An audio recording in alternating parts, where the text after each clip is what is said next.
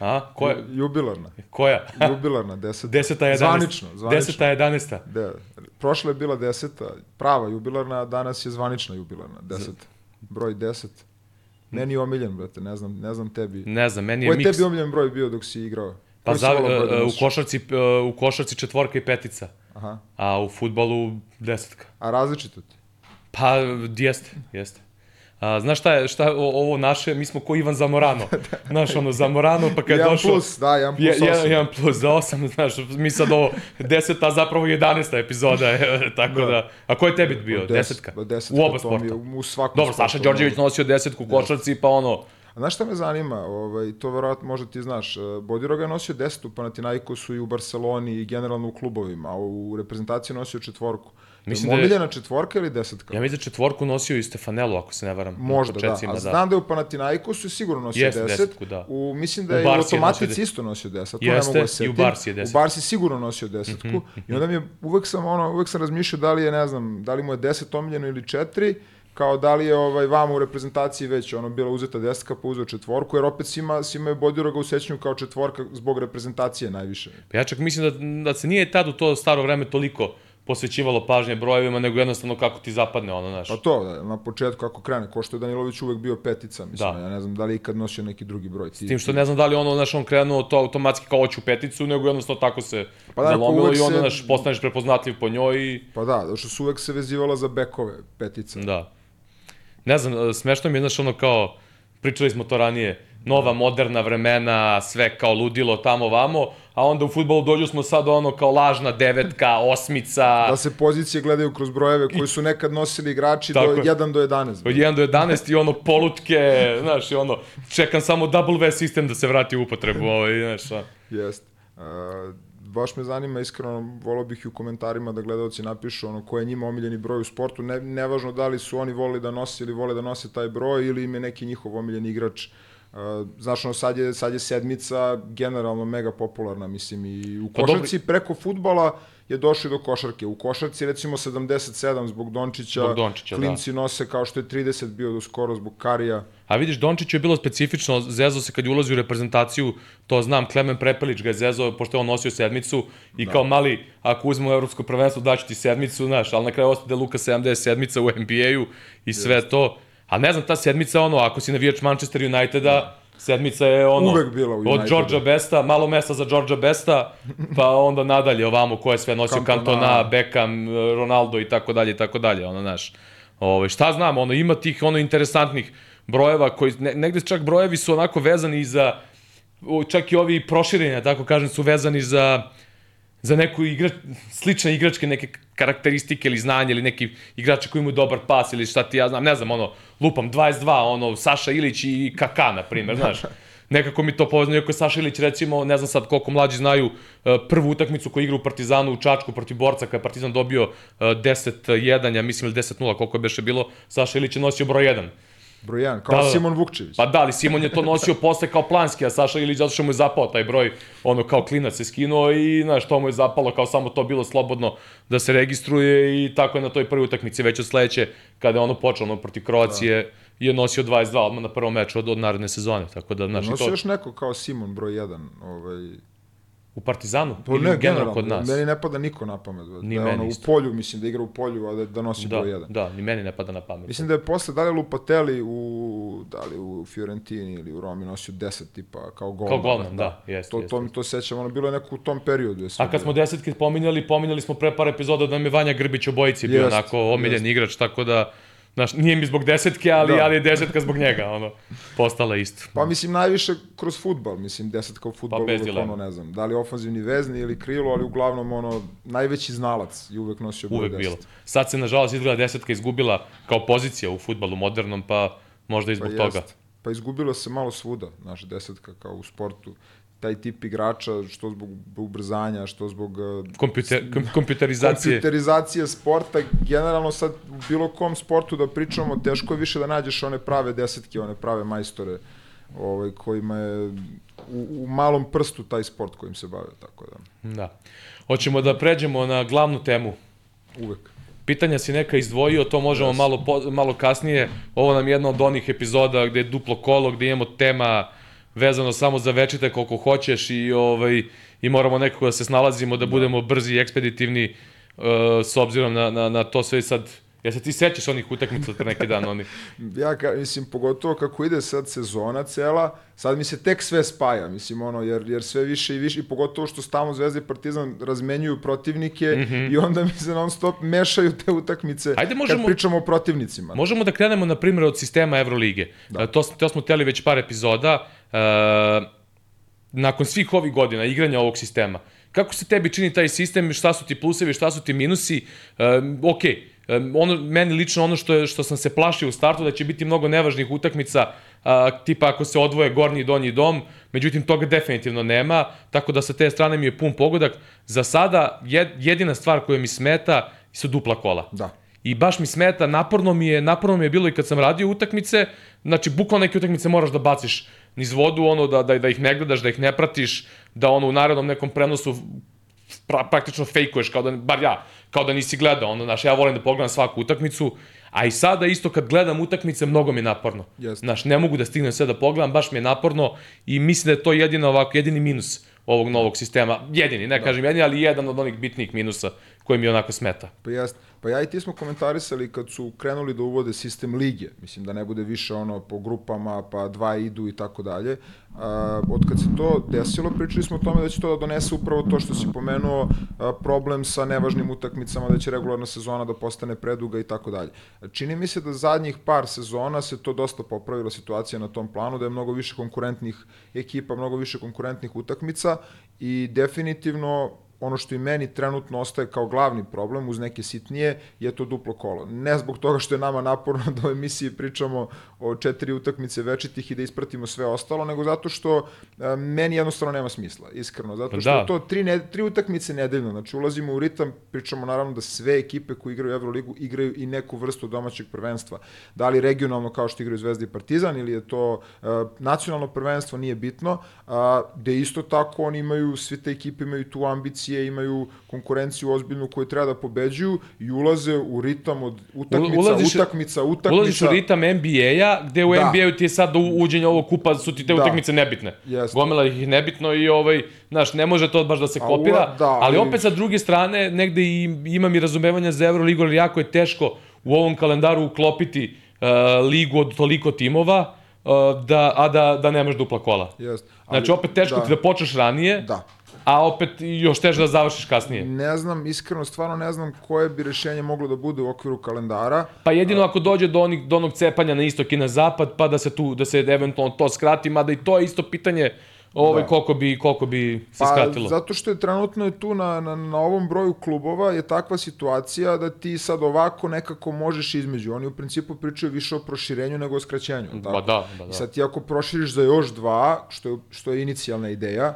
To je sad već onda ogroman problem, to znači još utakmica. Pritom, a, a opet, da li je to dovoljno klubova da deliš na konferencije i opet kako ćeš da ih deliš na konferencije? Ne, delit ćeš na konferencije ako, ako budu ušli ono Dubai, Pariz, London i tako znači, to. Opet znači, mora više još. Da, i ako se u nekom trenutku vrate, ako se vrate ruski klubovi, čak je neka varijanta, zapravo neki proračun je bio inicijalni da u tom nekom slučaju, ovaj, kad se podeli, da će biti praktično isti broj utakmica.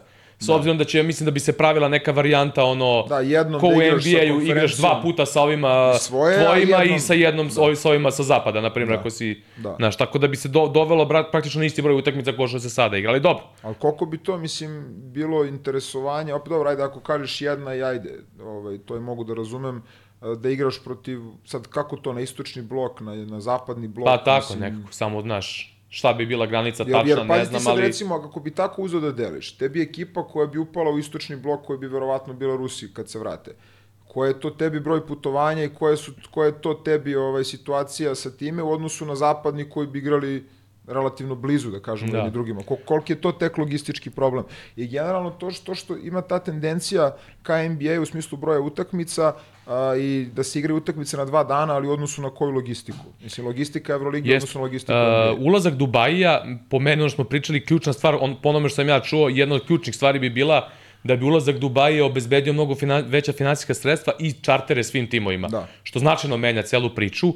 Međutim, ne znam s kim sam to pričao od nek, od bivših igrača neko je dao zanimljiv zanimljiv ovako argument kao biće interesantno kad putuješ u Dubaji, ok, to je nekih koliko, 5, 5 i po sati, nije toliko strašno, ali s druge strane klima je potpuno drugačija.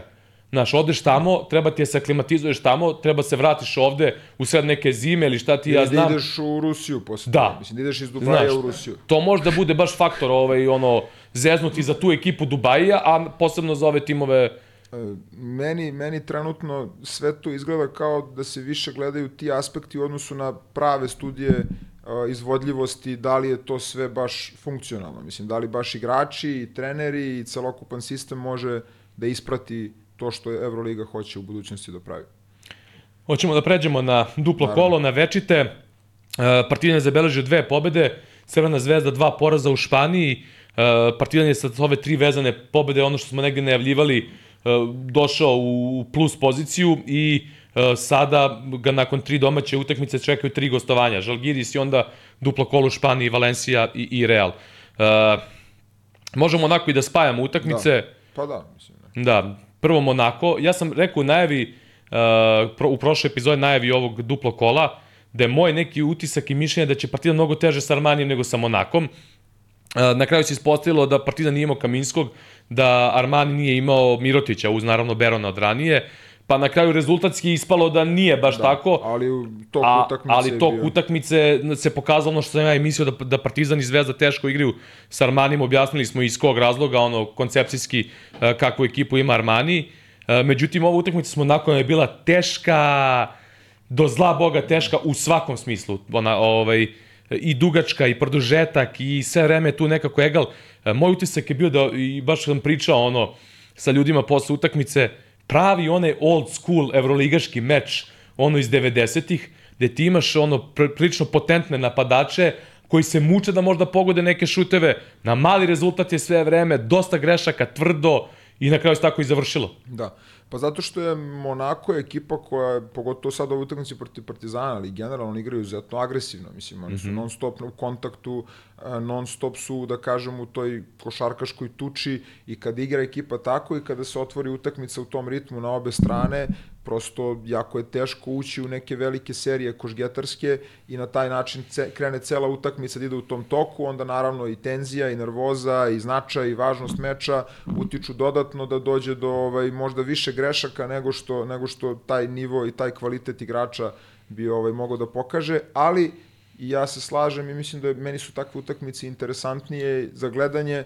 Jeste to možda malo ovaj estetski Nije atraktivno. Nije, ali je prosto ta vrsta tenzije i takmičarskog naboja. Ne verujem uvek... da ikome smetalo posle utakmice. Da. Ovaj... Pogotovo kad pobede. Pa da, pa da, ali generalno ovako sa, sama utakmica za gledanje ne verujem da ikome je smetala, onda kaže da. kao je, kao bez veze da. utakmica. Znaš. Pa mislim, pogotovo što smo pričali već o tome i čak i u NBA-u, a pogotovo u Euroligi, ovaj se ponovo brendira, da kažemo, taj... Timski. Tako je, taj timski, timski moment i taj da. način igranja utakmica, gde, gde je ovaj, ono, ta glavna prednost, da kažemo, Evrolige, taj takmičarski naboj koji, koji nose takve utakmice. Partizan je počeo protiv Monaka opet sa Smajlegićem na trojici, dakle sa višom petorkom i ono što je meni bilo interesantno, ono što smo pričali u prošloj epizodi, da, da, da me zanima sada kada nije više tu Madar, ko će biti primarni defanzivac na Majku Jamesu, imali smo okršaj dve alfe na, na, na startu, znači čuvali su se međusobno James i, i Kevin Panter, što je meni onako nekako diglo tu utakmicu na još neki viši nivo, kad vidiš njih dvojicu koliko su posvećeni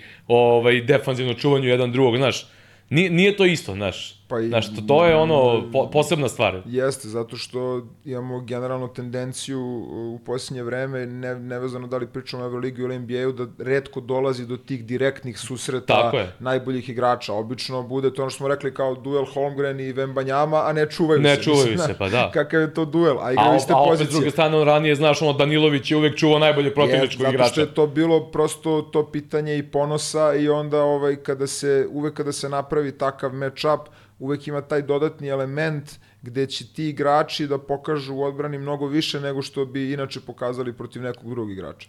Uh, tako, tako je počelo defanzivno, onda su kasnije ušao Alfa Diallo uh, da čuva Pantera, s druge strane PJ Dozier je uzao da čuva Majka Jamesa, koji na kraju do, do onog finiša nije baš imao neku, što se tiče poena, neku dobru utakmicu, ali već smo pričali, James ove godine igra neverovatno zrelo, usudio bi se da kaže najbolja njegova sezona, iako je u jedno vreme u CSKA na onim početcima imao takvih utakmica, ali sada ovako nekako kontinuitetu dobro bira momente utakmice i dobro bira utakmice kako da. će na koji način da igra. Već smo pričali posle meča s Crvenom zvezdom da mi je nevjerojatno koliko dobro on čita utakmicu, koliko dobro e, u nekim momentima kad treba da razigra, razigrava, kad treba onda uzme neke šuteve, uzima ih, to se videlo na ovoj utakmici. Baš onako jedna, rekao bih, MVP sezona Majka Jamesa za sada. Yes. Znaš, iako on stalno ima tu etiketu, ovaj, ja mrzim etikete da. i okej, okay, znamo Mike James da ima svoje dobro, momente i sve to, ali znaš, kad, kad nalepe etiketu, onda ljudi ni ne vide dobre stvari, onda stalno po etiketi, kao, znaš, da. on je ovakav, on je onakav, znaš, i onda to mene počne nervira što u trenucima kad on nešto promeni, kad igra dobro, stoji dalje etiketa. Da. Ne. Tako da mislim da, da James ove godine igra sjajno. Ma da, mislim, vidi, on, on jeste lud ko zvono, mislim, to, tu nema greške, ali isto tako treba da se gleda i šta radi na terenu. I činjenica je da ove sezone on igra ozbiljno, ozbiljno zreli u košarku nego što je igrao ranije i on u svakom trenutku doprinosi da li konkretno poenima, da li odvlačenjem pažnje, mislim, ne možemo da pričamo o napadu Monaka generalno kroz direktan učinak Jamesa, da ne pomenemo to koliko on ostavlja prostora time što stalno mora da vezuje za sebe igrača, pomoć, nekad i udvajanje za sve ostale. Jer ako izdvojiš njega iz ove ekipe Monaka, prosto ne bih baš tekao utisak da je to ekipa na tom nivou koja igre prikazuje kada je tu na terenu James, čak i kada nema direktan učinak. Tako da jednostavno igra odličnu sezonu i zna, zna da izabere trenutke i eto, na primjer, to na kraju ti najbolje pokazuje o, u kakvim trenucima je on dao dve trojke, donao pa, pa, je čak i tri, ono jedna što je da. ušla, ono prvi obruč pa upala u koš, ono. E, na, što stvarno, mislim, ozbiljno teški šutevi, da, jesu njegovi A druga stvar, druga stvar, ali... gde, gde se vidi njegova veličina, znaš, ti igrači, on, on može svakome da da koš jedan na jedan. Da. I u jednom trenutku kada je Partizan počeo da preuzima u odbrani, što je opet Partizanu donelo e, pobedu na neki način, e, Mike James može komotno da protiv preuzimanja da igra 1 na 1, može. ali Monakova najveća prednost, posebno u odsustvu Kaminskog, je bila na niskom postu, što je Mota Junas eksploatisao. Znaš, trebaš ti kad imaš tu mogućnost da napadneš i da budeš ono kao po znacima navoda sebičan, da, da imaš tu mirnoću da spuštaš dole na, na Motivunasa za koga znaš da ti je instant prednost. I on je to dobro koristio, oni su nekoliko napada spuštali dole, dobili su prednost. To kao što je Partizan na jednom trenutku napadao sa PJ Dožerom sa niskog posta, iskreirali su odatle nekoliko otvornih šuteva i poena.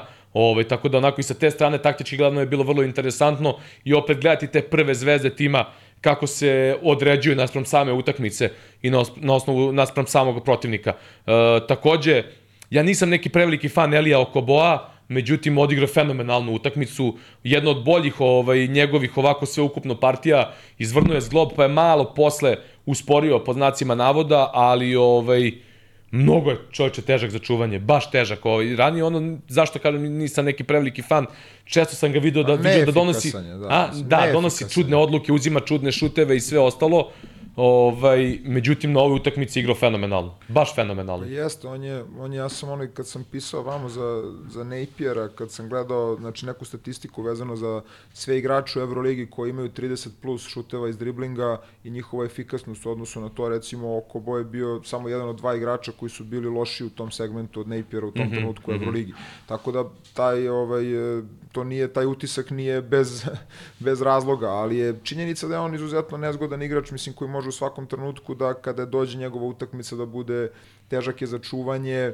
E sad, to sad najbolje zna trener Saša Obradović koliko je njemu ovaj, specifično teško da se nosi sa karakterima koji ima u ekipi i sa ali, njihovim stilom igra, ali, ali on uti, našao je... Ali utisak je da Obradović jeste. voli.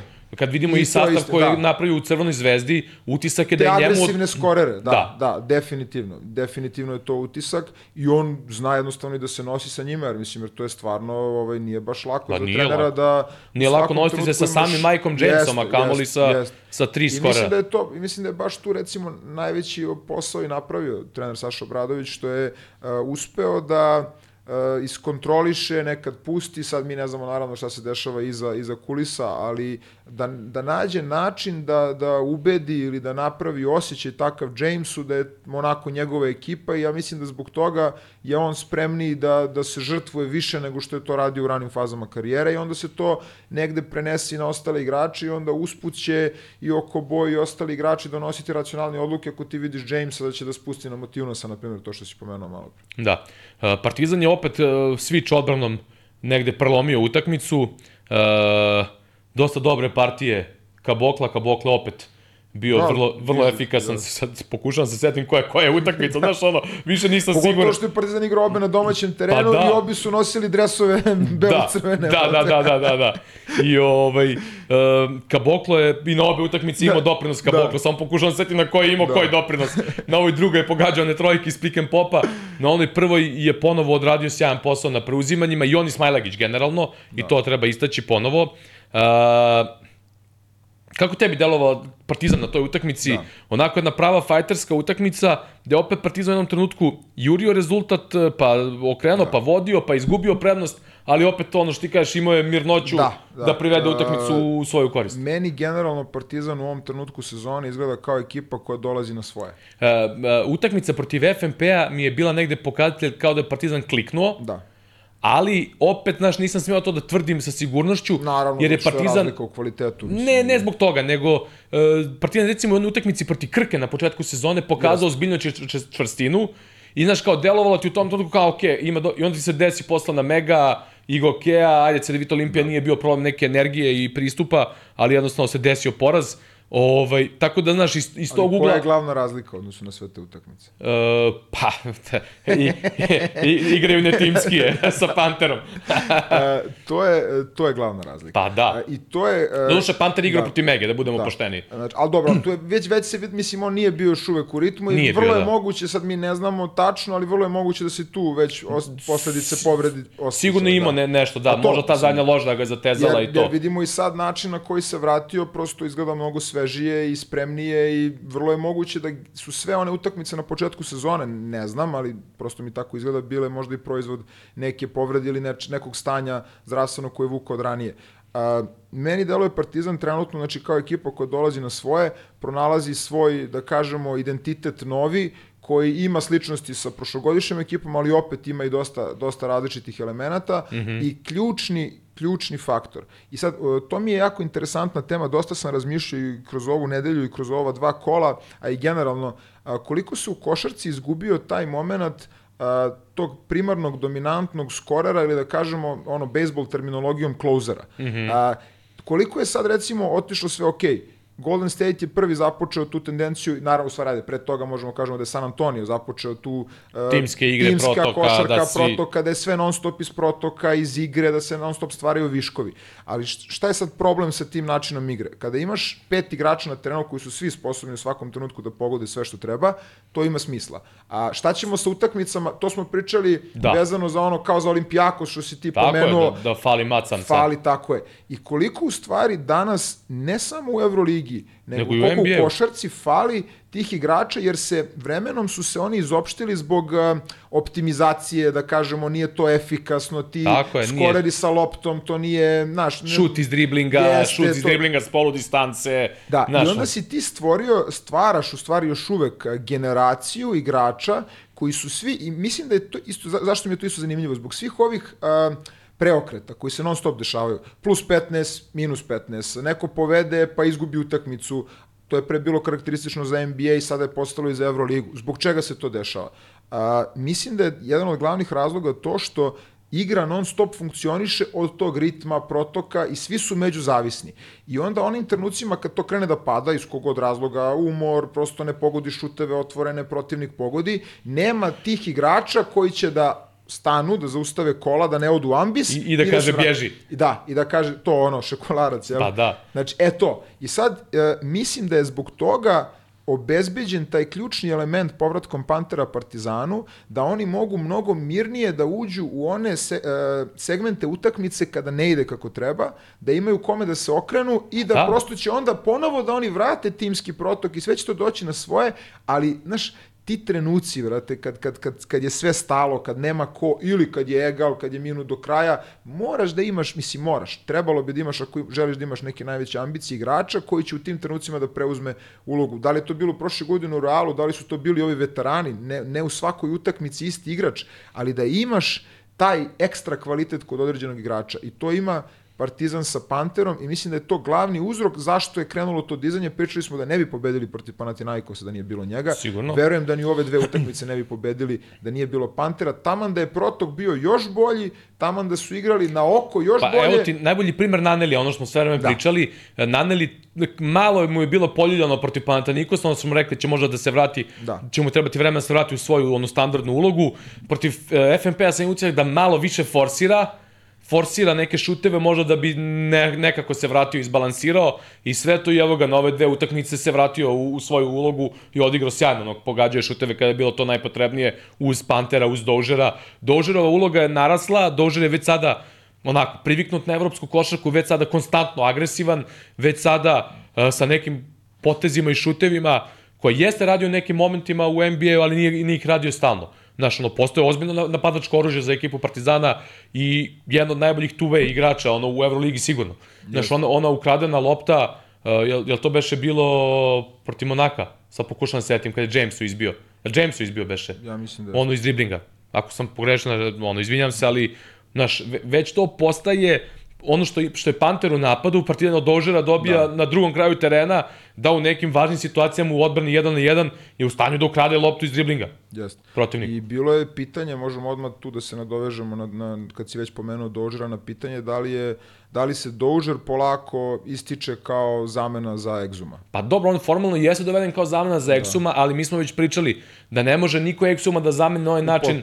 Da. jer, jer malo je takvih, uh, uh, kako bih rekao, atomskih atleta ili ne znam ni ja, da, ono... Da, da, da, dobro je, ovog su mi baš... Znaš, ma, jel on donosi tim atleticizmom je donosio prednost. A sve ovo ukupno možda čak dožuri više stvari radi od Exuma na terenu, ali jednostavno to Exumovo je teško naći tu nuklearnu je, energiju, da, bukvalno. to je ono, možemo tu ne da, da udarimo i paralelu kao Lesor, Kaminski ili Kaboklo i sad Exum i Dožer. Mislim, mnogo je mirniji paket ovaj, koji donosi Dožer nije toliko atraktivan, ali je i možda i kompletniji. E, pogotovo što e, mi još uvek nismo ni videli Dožera u punom sjaju. Da. On tek sad počinje da dobija sve veću ulogu i da mu više prija i sad je samo to ključno pitanje da li će kod njega da se u potpunosti aktivira taj igrački mentalitet, jel, da, da, da uzme tu ulogu koja mu se nudi, pogotovo trenutno Partizan funkcioniše s njim na terenu i kao jedinicom,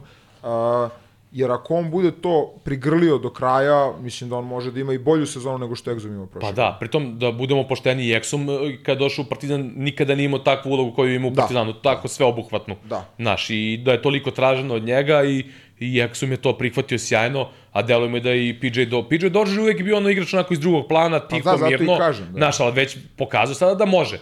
On je sada na ove dve, tri utakmice pogodio toliko nekih važnih šuteva, naš, ne ono koji dobijaju utakmicu, ali šuteva... Koji te va... pripremaju da dođeš u poziciju, da poziciju da dobiješ baš utakmicu. tako, znaš. Ono što smo pričali da naneli često prošle godine, da se, da se možda nije toliko pričalo o tome, s obzirom da dao mnogo utak, šuteva koji su dobili direktno utakmice, znaš, pa se malo zaboravilo koliko je pogodio neke šuteva koji su usmerili utakmicu u partizanovom smeru, sad je to počeo Dožar da radi, znaš, i to su sve ono neki šutevi koji nisu toliko bili karakteristični za njega u karijeri, on neki step backovi iz kornera. Da, da, imao i protiv Milana, da, baš, baš ono, negde u trećoj četvrtini isto iz, iz levog kornera, užasno težak šut preko ruke i pogodio bez problema. Zato što je on visok, ima i odraz i on ima i šut vrlo onako da kažem, unapredio, vertikalan je. Unapredio ga, da, da. Vrlo je nezgodno braniti igrača koji ima toliko vertikalan šut, kad kažem vertikalan mislim i izbačaj i opet odraz i na već postojeću visinu, dužinu koju on ima, to je da, baš onako... Da, duge ruke, teško je teško je braniti. Da, i ono što je njegov najveći kvalitet, već smo to pominjali, to opet vredi i ponoviti,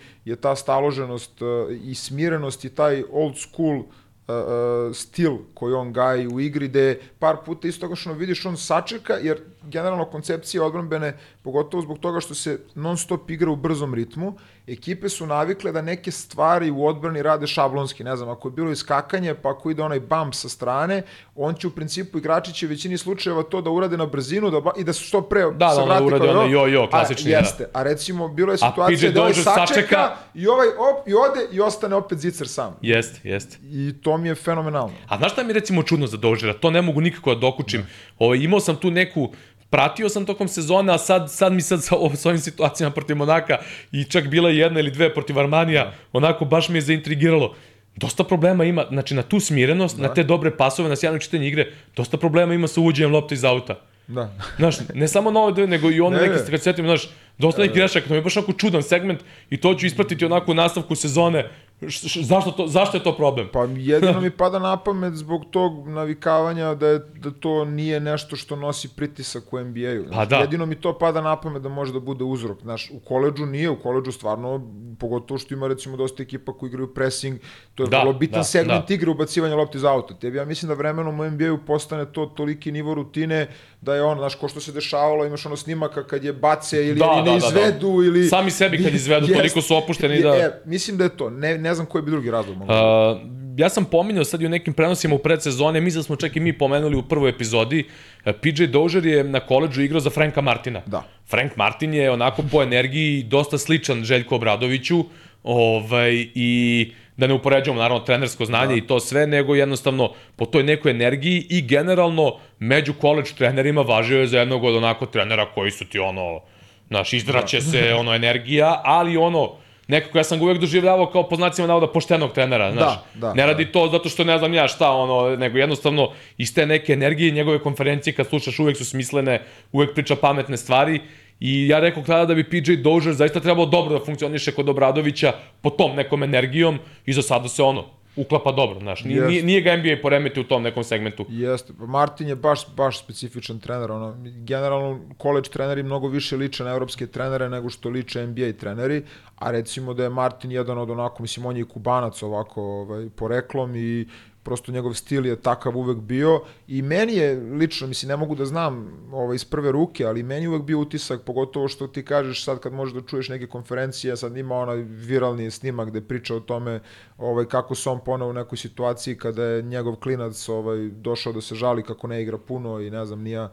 vezano za to da li da priča s trenerom ili kako da se postavi u toj poziciji, A, tako da sla, slažem se da to sigurno u jednoj meri doprinelo. Mislim, ja znam da Zekle Day recimo dosta priča o Bazu Williamsu, mm -hmm. jer Baz je isto, mislim, sam, sam nadimak ovaj, dovoljno jasno da. govori, a, je to neki način i stil i da on jako često ovaj, priča o tome koliko mu je pomogao u karijeri i koliko taj način vođenja koji jeste možda naporan, pogotovo sa strane kada neko gleda, to, to je non stop problem koji postoji kad pričamo o trenerima, gde ljudi koji gledaju sa strane, navijači, vide jednu stranu. Nekada Tako vide recimo mirnu stranu kod nekih trenera koji su možda ovako na treningu potpuno drugačiji ili obrnuto, gde ovaj vide animirane trenere koji skaču, koji su non stop u nekoj vrsti a, agresivnog pristupa, a ne znaju šta je ono sve što se ovaj krije iza kulisa Tako da... Pa da, e, to, to zavisi od rostera, od, element, od, od da. karaktera igrača i od trenera. Znaš, ima ono i čuvenih trenera koji su na treningu, što ti kažeš, da. bili agresivni, na utakmici sede celu da. utakmicu i, i, imali su imali su neki ono fazon u smislu kao neću kao na utakmici, da. na utakmici ono poremetiću ekipu ako ako skače naš i tako dalje. Znači to baš zavisi od milion faktora. Opet s druge strane ono čuo sam i neke zanimljive teze pre svega vezano za fudbal.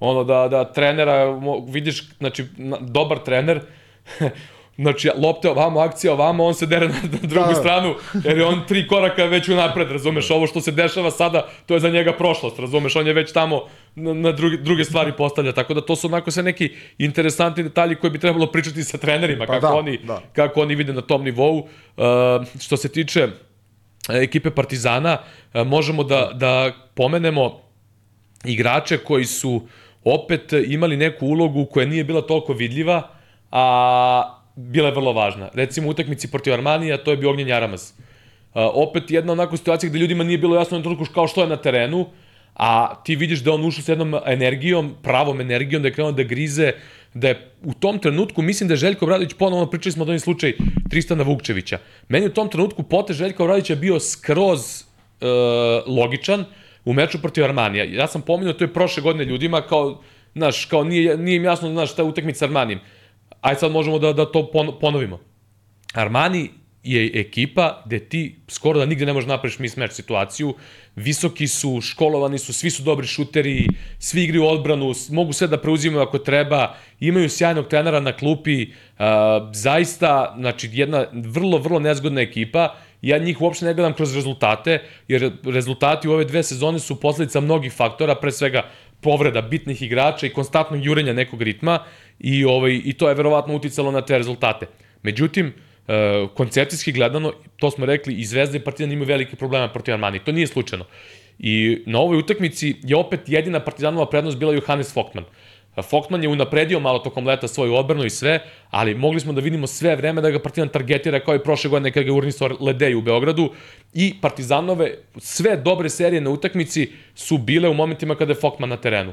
I Partizan ga targetira i na pick and popu, znači Mesina je nekoliko puta sa Foktmanom menjao način odbrane, pa pokušavaju da preuzima, pa kako preuzmu onda ono sa prvog pasa stantuju, pomažu, skupljaju i sve ostalo. Partizan je nalazio rešenja u tim momentima i uvek je bio u plusu i dobar rezultat imao kada je on na terenu. I tokom utakmice, ljudi s kojima sam pričao, ja im kažem, rekao, on, onih 15 razlike, rekao, ovo je posljednja Partizanova šansa, Fokman je sad na terenu, sad da se spusti nekako razlika i onda da na neku energiju, na neku, e, na nekog da kažem, ono, frku i to sve, da se okrene tog meča, posebno što ne igra Mirotić, jedan, jedan onako, da kažemo, bitan igrač manje, gde, znaš, ne može očekati da će Shields, uh, Shields i Meli, na primjer, sami... 10 minuta da pogađa, mislim. Uh, I onda, znaš, Messina je bio prinuđen da i sa nekim drugim igračima igra, I da ti ono što so ponovo moramo Majka Tysona, da citiramo, ovo je bio najbolji primer. Svi imaju plan dok ih ne udariš u usta, da, znaš, po njušci. E, znači, ovo je najbolji primer bio ono što smo pričali da Partizan Barcelona, da Partizan u tom trenutku nije imao udarac za zada Barsi, sada i tekako ima udarac i totalno se promenila energija u hali.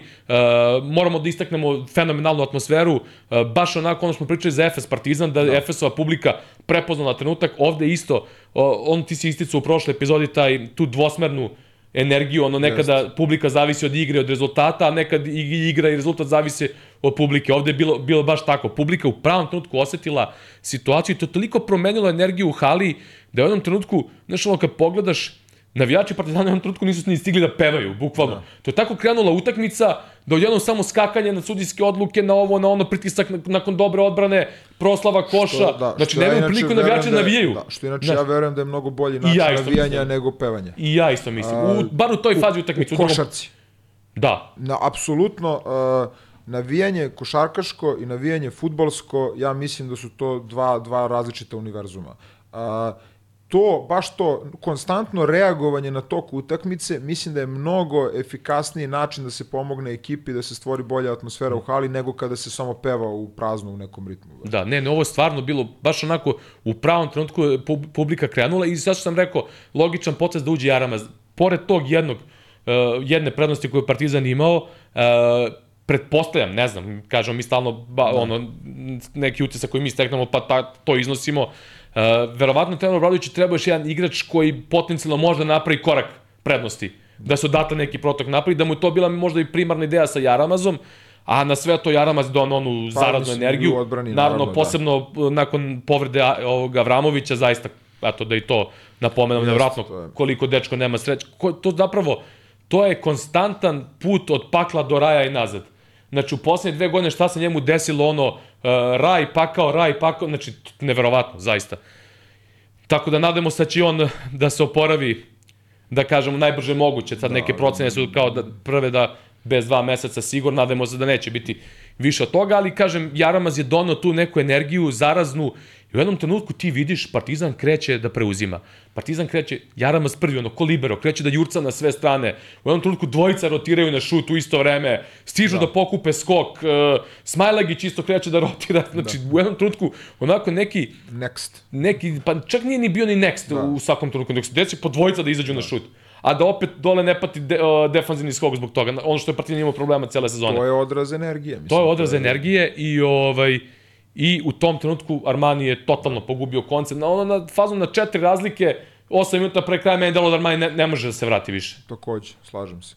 Uh, pa mislim da jedan, jedan deo faktora je što im jednostavno nestalo gasa. Mislim, prosto uh, u ovoj varijanti, uh, pričali smo o koncepciji Milana već, nećemo se vraćamo ponovo na to kada su igrali protiv Zvezde. Uh, u toj koncepciji je Mirotić mnogo važan igrač. Kako ne? Uh, jer uh, koliko god da su svi oni školovani, a jesu školovani, koliko god da svi oni mogu da doprinesu različitim elementima, nemaju taj nivo kvaliteta Mirotića koji može pogotovo u napadu da non stop rešava situacije i sa posta i iz polja i šutem za tri poena kada se lomi. Mirotić je protiv Zvezde pogodio neke izuzetno važne šuteve u trenucima kada se Milano odlepio.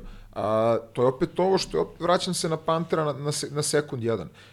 Zašto, je, zašto je recimo interesantno i zašto je u sportu to sve jako teško uklopiti na kraju? Zato što ti nikad ne znaš te momente koji te vode utakmicu u ovom ili onom smeru. Nekada neki šut koji se pogodi, koji u tom trenutku ne dolo da je posebno bitan, Znaš ko je? Evo, okreće go- utakmicu. E, evo, ti, evo ti primer, znači idealan si mi dao uvod sada za ovo, kao da smo se dogovarali. Znaš ko je bio to šut? Na minus 13 za Partizan. Ne znam da se sećaš situacije, imao je neku onu kretnju, e, Panter, nije bio onaj klasičan Iverson, Slip, slip ghost, kao. Ghost je bio. I da li iz Ghosta bila Ali kretnja, onako polu polo, polo Everson, kretnju, imao leđima, je bio okrenut ka lopti, Tonuti išao seče taj pas, Da, on, ostao je on je primjeno okrenuo se na liniju i pap, pogodio trojku na minus 13. Znam, to, je- da. Od tog trenutka čini mi se da, da, je, Jeste. da je Partizan se upalio, A, to znaš. Je bio, uh, to je bilo, mislim, zato što na, to, to deluje na trenutak kao da je kombinacija, jer ide iz, on ide od ozdu iz bloka, prelazi kao iz Iversona flare na drugu stranu, mm -hmm. a kom, mislim, meni je to više ghost nego što je slip, oni ga vode zvanično kao slip, tu situaciju da on ne pravi blok. On, jest, on nije samo uradio Iverson klasično, nego je krenuo kao i ka gore, kao da će u pik da dođe, pa i onda odatle produžio u stranu, znam tačno koja I to, situacija. Tonut je krenuo da je seče, Da, da, da, pro, da. pas je prošao, on je samo okrenuo, ono kako je primio u prijemu, Da. onaj okret ka liniji za 13 skočio i pogodio, Jeste. tu se Partizan spustio na 10 razlike i tu je negde, Jeste. to je, ja mislim, bila ona neka Sigurno. inicijalna ona iskra. I tu je još jedna stvar jako bitna, kad, smo, kad si pomenuo već publiku i energiju publike, a, poverenje koje publika ima u određene igrače. Mm -hmm. to, je, to je nešto što je teško kvantifikovati, teško pričati o tim stvarima, ali ti kad imaš, ja imam utisak, kad gledam utakmice Partizana i komunikaciju koja naravno nije direktna a, sa, sa igračima, a, kada je Panter u bilo kojoj situaciji ili u bilo kojoj lošoj seriji, meni deluje da cela hala veruje da svaki njegov sledeći šut ulazi, mm -hmm. što naravno nije slučaj za sve igrače. I onda još to mi nekako imam utisak da, da i, na, i na razlici, da, da se publika, da je dobra energija jednim delom zbog toga što u svakom trenutku veruju da će, Da će znaš, sigurno će u krenuti. seriji, da, Da, krenut da. serija, vratit ćemo se, ma ima vremena, prosto takva se atmosfera ovaj, stvara kada je, kada je on tu u ekipi.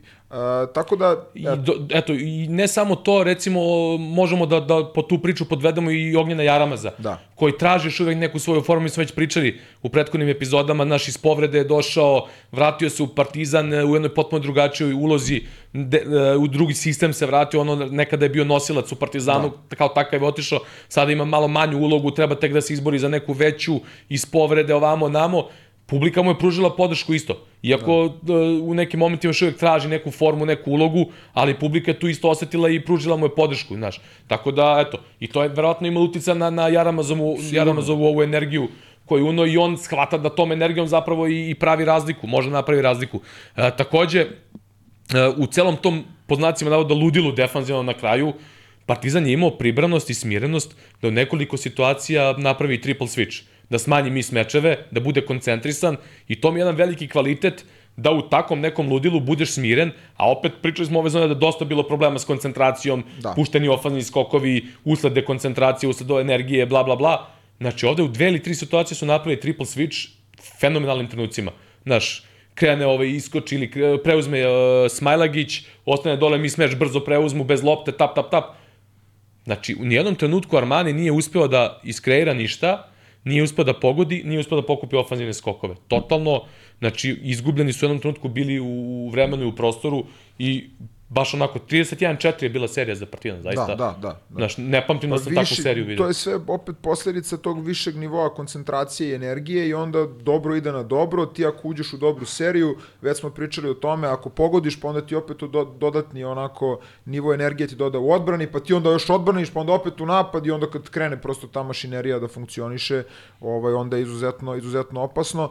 A, taj moment u ovom trenutku koji Partizan može i konačno ono što smo pričali o versatilnosti kompozicije rostera, to sad počinje da se vidi konačno mm, mm, mm. i na terenu i opet zašto je to bit, bitno je recimo i pobediš Panathinaikos način koji si pobedio, pobediš uh, Monako način na koji si pobedio, to sve se prenosi onda i na utakmicu protiv Milana i onda je lakše svima i da veruju da će na minusu da se vrate u utakmicu. Zbog čega je jako bitno da se uđe u seriju pobeda da bi se prosto i podigla atmosfera i energija ne samo kod igrača i stručnog štaba nego i kod, i kod uh, navijača. Ono što, što bih samo pomenuo odnosu na utakmicu sa Monakom, što je meni meni bilo interesantno, su situacije bile sa Jamesom pri kraju, da li treba praviti faul ili ne treba Mhm, praviti faul.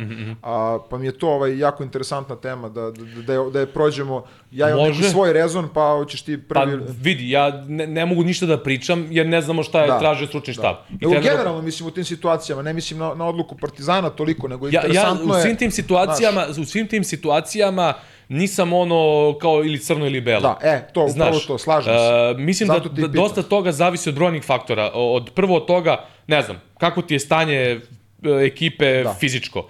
E, Kakav si sa ličnim greškama, da li možeš produžetak, ne možeš produžetak da izdržiš. E, kako teče tok utakmice, koliko lako daješ poene, koliko teško daješ poene. Koliko, kako braniš, kako, znaš, moraš, moraš da imaš, to, to trener mora da ima osjećaj kako ide utakmica i u zavisnosti od toga e, proba da, da, da odreaguje. Tako da, znaš, ne znam šta bi ti rekao za ovu konkretnu situaciju, ovaj, ne bi ni da nešto licitiram. Da. Znaš, s obzirom da, da nemamo nikakvu informaciju, neki onaj inicijalni govor tela naneli je meni delovalo kao da ne prave faul, Da. ali ne znam. Pa ne, meni je izgledalo da je odluka da se ne pravi faul. Da, pa Mislim, to. meni je to što toga tiče nije sporo, nego prosto su dosta ljudi komentarisali to kao trebalo je, nije trebalo, u redu je. A, evo recimo moj rezon ovako. Onaj šut, generalno, da se ne lažemo, pogađaju samo Mike James, Damian Lillard i ne znam, ono, Paul George, ko može pogodiš onakav šut na... Znaš kako, moj rezon ovako da kažemo trenerski iz tog ugla.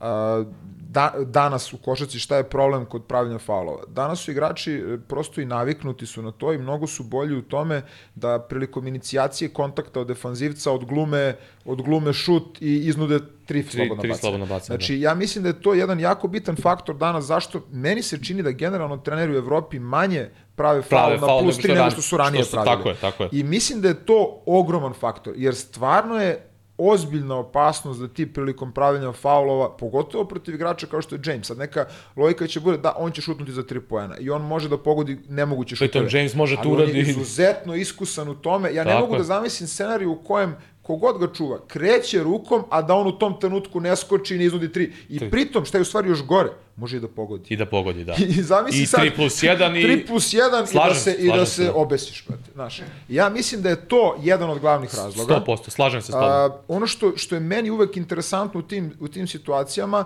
ali to je jako teško u praksi izvesti, da guraš na dva.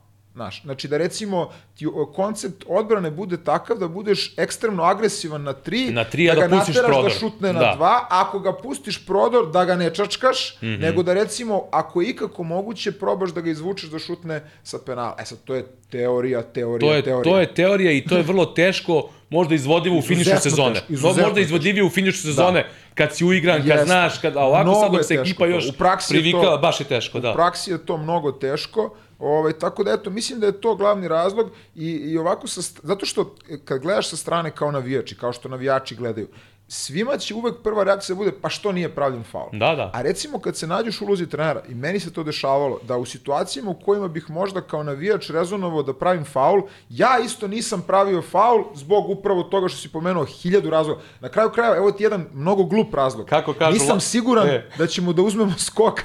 Ako šutnu dva, prvo da, drugo promaši, možda mi uzme ofanzivni skok. Znaš. Da. Eto, eto, mnogo je glup razlog. Jeste, jeste. Ne važi toliko za seniore koliko važi možda za mlađe kategorije ako nemaš dominantne skakače. Ali toliko faktora ima da je to, da je U to tim nevjerovatno. situacijama ono stara narodna, lako je tuđi, tuđi kopriga mlatiti. Tako da, To, da, to mi je baš poznato. pa baš tako, Pogotovo- pogotovo da, pogotovo u ovom poslu, ovaj, na kom god nivou se baviš, to, to ljudi baš, baš vole da ovaj tvoj mlate. Da, uh, hoću da pomenem faktor uh, duel Željko Bradović Ettore Mesina. Da. Znači, ja ne znam kako da ti objasnim taj neki osjećaj. Meni su, evo konkretno, da kažemo, ajde, dve od pet. Frenemis. Ne, vidi. Frenemis. Frenemis, da, ali dve od pet utakmica u ove dve sezone, koje, najbolje koje sam gledao, čak neću kažem da su mi obe najbolje, ajde da bude dve od pet, ovaj, Partizan Armani, koje dve, znači od pet, od pet na, Partizanovih Da, da, utakmica, razumem, dve razumem. najbolje su mi bile prošla protiv Armani u Beogradu i ova protiv Armani u Beogradu. Znaš, šta sve te utakmice nose i sam taj neki osjećaj koji ti donose Obradović i Mesina kad su na terenu. Znaš, ako gledaš na taj način utakmicu koju mi gledamo, znaš, ja sam sve vreme ono u terenu, gledam, gledam u trenere, gledam šta pokušavaju da promene. Znaš, oni krenu jedan način odbrane, pa ka Boklo pogodi one pick and popove, ti vidiš odmah reakciju Mesine menja, radi pil, preuzima na pick and popu, bla, bla, bla, znaš, prilagođavanje, pa onda sad čekaš Obradovićevu reakciju kako će na drugi način da napadne. I tako dalje. Da ne zaboravim samo segment e, izostanak Mirotića, gde smo sad videli recimo dve razlike. Monako kako napada switch sa unutrašnjim igračem, gde ima prednost iz polja sa svima, a opet ima sigurnog unutrašnjeg igrača kojima je rešavao situacije i ima Šarmani e, u situaciji bez Mirotića koji je postap opasnost, gde sada bez njega ne mogu tu da napadnu. Nemaju tu širinu. Nemaju tu da. širinu. I sad ljudi su dosta komentarisali kao odsustvo Kaminskog, kao evo Partizan bez Kaminskog bolje, bla bla bla. Međutim, sada Partizan kada kompletan, biće utakmica će biti potreban Kaminski za te potrebe kada ekipa preuzima, gde će biti potrebe da Kaminski, možda bi u utakmici Kaminski otključao neke druge stvari sa short rollom, sa pasovima, pa onda možda ne bi Partizan imao samo tu jednu prednost o kojoj smo pričali da, da pravi, nego, nego bi imao više varijanti. Možda ne bi otišao u 15 razlike za Armani, da. nego bi možda ranije bili. Znači, to su sve stvari koje možemo samo da, da pretpostavimo. Da, i zbog čega je košarka toliko zanimljiva. Je. Da. Znaš, tako da nekako mi je skroz, uh, da se vratimo na te, na te duele, ono Mesina Obradović. Da. Totalno mi neki drugačiji osjećaj na tim utakmicama, posebno zato što uh, su treneri iz 90-ih koji su opet na ovom današnjem nivou moderne košake opet dominantni, a bili su dominantni i 90-ih na neki način, e, taj njihov rivalitet. I sad, znaš, ono što pričamo kao, Nije svaka utakmica ista. Znači, ne može niko da me ubedi da se Mesina priprema isto za utakmicu protiv Barcelone i protiv Obradovića, znaš. Je ista, to, znaš, ali ne, ne, ne pričam znaš što kao sad, Znam, pro, misliš, da nije ono, da, u, ne znam, protiv Sasarija i protiv, protiv Partizana, nego konkretno, Znači, sigurno je priprema isto protiv Barcelona i protiv Obradovića. Znaš, prvo sa, zbog samog Obradovića sa svim tim stvarima, a opet taj njihov rivalitet, to je nešto posebno, znaš. I e, dopisivali smo tokom utakmice, možemo i to da, da potegnemo e, kakav je uticaj, recimo, i tog odnosa, a i generalno e, publike Partizanove i Zvezdine, kako ona utiče na protivnika. Da. Znaš, da li ona njih motiviše da, da. igraju bolje? Prvo što se tiče Mesine i Obradovića, kad sam ja počeo da gledam košarku, znači to je bilo tamo 97. 8. godina, ovaj, bili su oni, jel tako? Mislim, najvažnija stvar, meni ono Italija, Jugoslavija tada. 97. ono, da Je meni, ono, tad bilo, i sad opet, evo, koliko godina kasnije mi dalje pričamo o Mesini i Obradoviću, mislim, što govori naravno o njihovoj veličini, a govori i o tome koliko je godina prošlo između i oni su i dalje ne aktuelni, nego su apsolutno na vrhuncu ovog posla i kroz ceo taj period ovaj, i evoluirali i promenili hiljadu stvari i opet i zadržali mnoge stvari i ovaj, tu su, ovaj, i sad, taj moment kao isto je, znači svi smo mi ljudi, čak i ljudi koji se bave time na vrhunskom nivou i ne može nikada ti bude isto ako s nekim biješ bitke trenerske 40 godina i sad recimo protiv nekog mladog trenera ili protiv nekog trenera koji jednostavno nemaš, nemate ne znam ono pet utakmica jedan protiv drugog zajedno, o, to jednostavno ne može da se poredi, a na to upravo možemo da nadovežemo i taj moment publike, jer moje pitanje je bilo ono kad smo se dopisivali, a, mi svi stalno potenciraju koliko domaći teren Zvezde i Partizana znači, je prednost, prednost da. naših timova. A koliko bude us, uh, prednost po znacima navodnika i za protivnika ako je koncepcija ekipe takva, ako ih vodi takav trener, ako su igrači takvi karakterno, da ih u stvari dodatno motiviše da pruže nivo dva ili tri nivoa više nego što inače pružaju. Da. Jer, jer uh, ja stalno isto o tome razmišljam. Uh, to zavisi recimo dosta od stila igre. Ja nekad imam utisak u ovom poslu da recimo kada ti si manje agresivan, u stilu igre, sad ne pričamo toliko i o, i o publici, da, da, da, da nekako umrtviš, da ti ali umrtviš i ovog protivnika i umrtviš i utakmicu i a da nekada kada si agresivan kad si u utakmici kad je publika da onda probudiš onaj momenat kod kod igrača to je ono što je pričali ovi najveći igrači tipa Jordan ono kao pusti me znaš ako me pustiš ja ću da ti dam 30 kao ako me provociraš igraš ja ću ti dam 60 a ti ti kon ona čuvena priča za Mikana Grušanovića. Znaš ona sad ne znam da li tu, to su mi priče neki igrači ne znam da li urbana legenda, da. legenda se stvarno desilo ali sjajna je priča svakako šta god da je. Kao bilo je priča jedan neki trener uh, tada u onoj našoj staroj Winston Juba ligi, kaže Grušanović daje po 35 svima, kao zato što ga puštaju kao u desno svi. Da. Mi ćemo mu zatvorimo desno, pustit ćemo ga u levo. I on dao 54.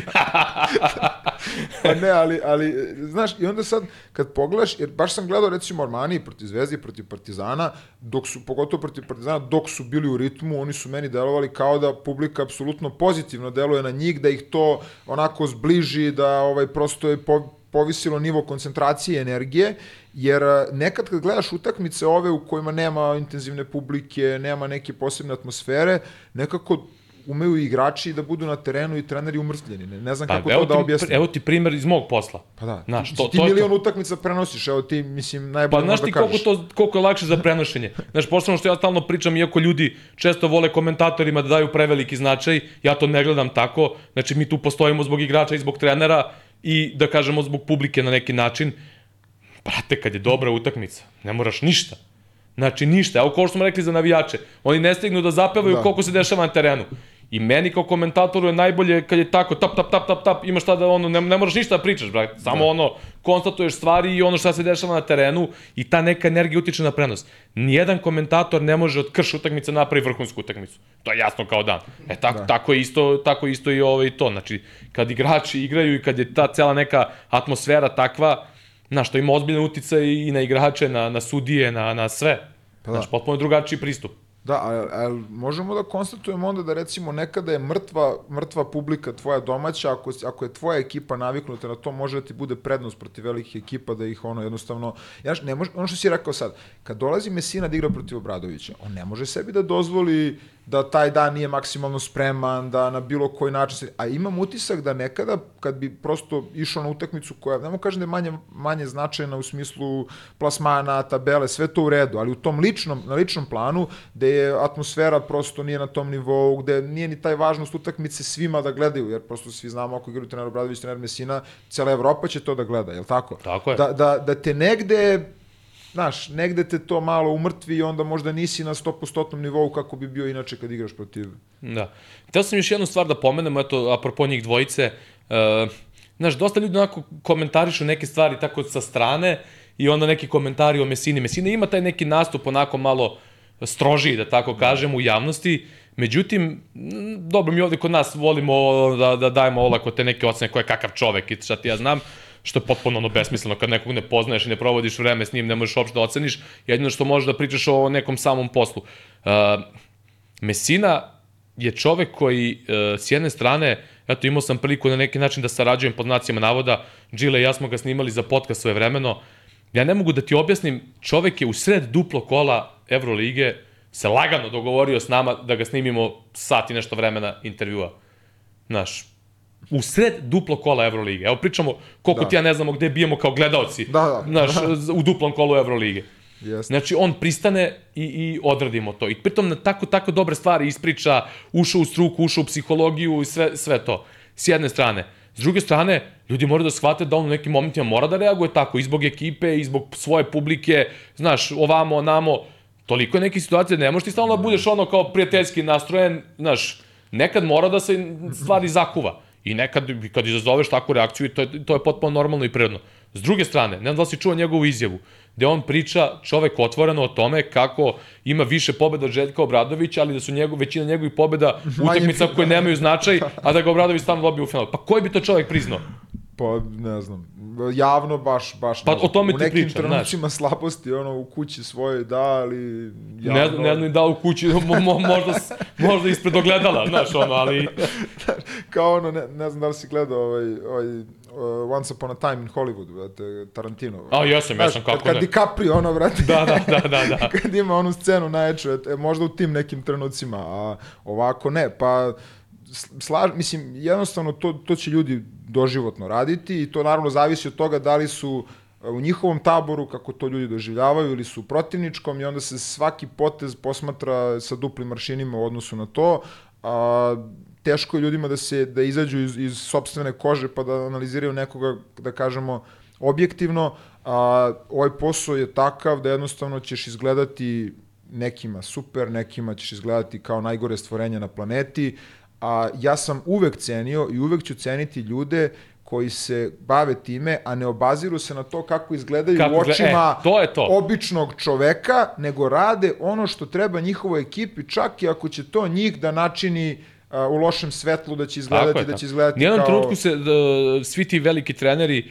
nijednom trenutku se ne trude da se dopadnu masama. Upravo to, Znaš, upravo nego to. rade ono, na, i to, to je ono... Jer nekada tvojoj ekipi treba da ti izgledaš ko kreten, a nekada ti treba da budeš smiren. Sad, jednostavno, nekada ne možeš ni ti, naravno, u tom trenutku možda si pod nekim utiskom, pa ne možeš ni ti uvek to da iskontrolišeš. To je ono što smo pričali za Mourinho, to je ono što možemo da pričamo, ne znam, eto, Guardiola je kao miran, pa ima opet hiljadu situacija gde on isto iskoči... Pa da, e, baš je Miran, Klopp, vidio, ko- fizički izgled mu se promenio u roku od godinu dana trenerskog posla, ono. Pa ne, ali, ali to, to ljudi jednostavno Ne kontaju. te, teško shvataju i ovaj i pogotovo kad su van i to je ono što smo pričali ranije zato je važno biti unutra i baviti se time jer onda ti možeš da naravno čak i na nižem nivou da da osetiš sav taj dijapazon emocija koji može da prođe kroz glavu jednog trenera ili igrača ili funkcionera, ljudi koji se bave sportom i to je jako teško opisati, brate, sa strane i onda zbog toga je stalno taj nesporazum, e, zašto Messi ne izgleda ovako ili zašto, ne znam, ih neki drugi trener iritira, možda bude Jasikevičius, može da bude, ne znam, nije ni bitno više ko.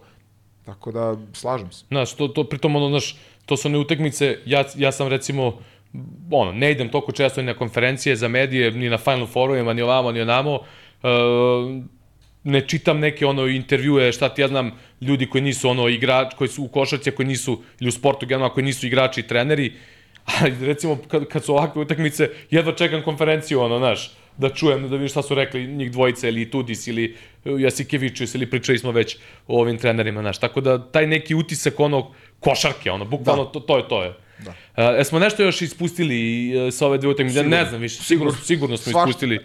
Znaš, baš su onako bile sadržajne utakmice, imalo je svašta da se vidi. Uh, Partizan čeka porta Kaminskog, ispao je, ispao je sada Avramović. Uh, trebalo bi nekom momentu i Trifunović da se vrati, koji je polako počeo sa nekim laganim treninzima. Tako da, znaš, sad Partizan čekaju tri gostovanja, uh, ide posle, ide još posle ono oko praznika neke serije utakmica, već početkom januara i sledeći derbi u Euroligi, gde će Crvena zvezda biti domaćin, tako da biće baš, baš interesantno. U narednom periodu ono što smo rekli kao faktor da je to samo, ponovimo, e, tri utakmice na domaćem terenu u smislu više treninga, manje putovanja, Kako ne, kako su i tekako ostavili utisak, uticaj na, na, na, na brojne detalje i kažem, videli smo već Partizan koji je mnogo koncentrisaniji u nekim detaljima i ovo bi trebalo da je možda neki polako put ka Pa deluje Ka tako. gornjem delu tabele, ono. Deluje tako definitivno. Mislim što se tiče Avramovića isto, mislim nadam se stvarno da će da će ovaj se skorije oporaviti nego što su inicijalne prognoze. A, on je takav igrač fighter da je i prošli put kada se kada je izašao iz povrede se vratio samo još bolji, još jači i nadam se i verujem da. Da. će tako da bude i ovaj put. Dobro, uh, prelazimo na duele e, Crvene zvezde u Španiji.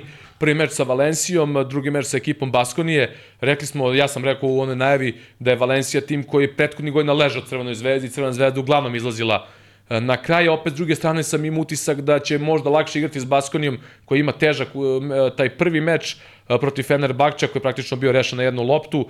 Ovaj, Koji svi koji svi meče Pa, pa, Baskonije da, sa da, Duškom bukvalno. ponovo.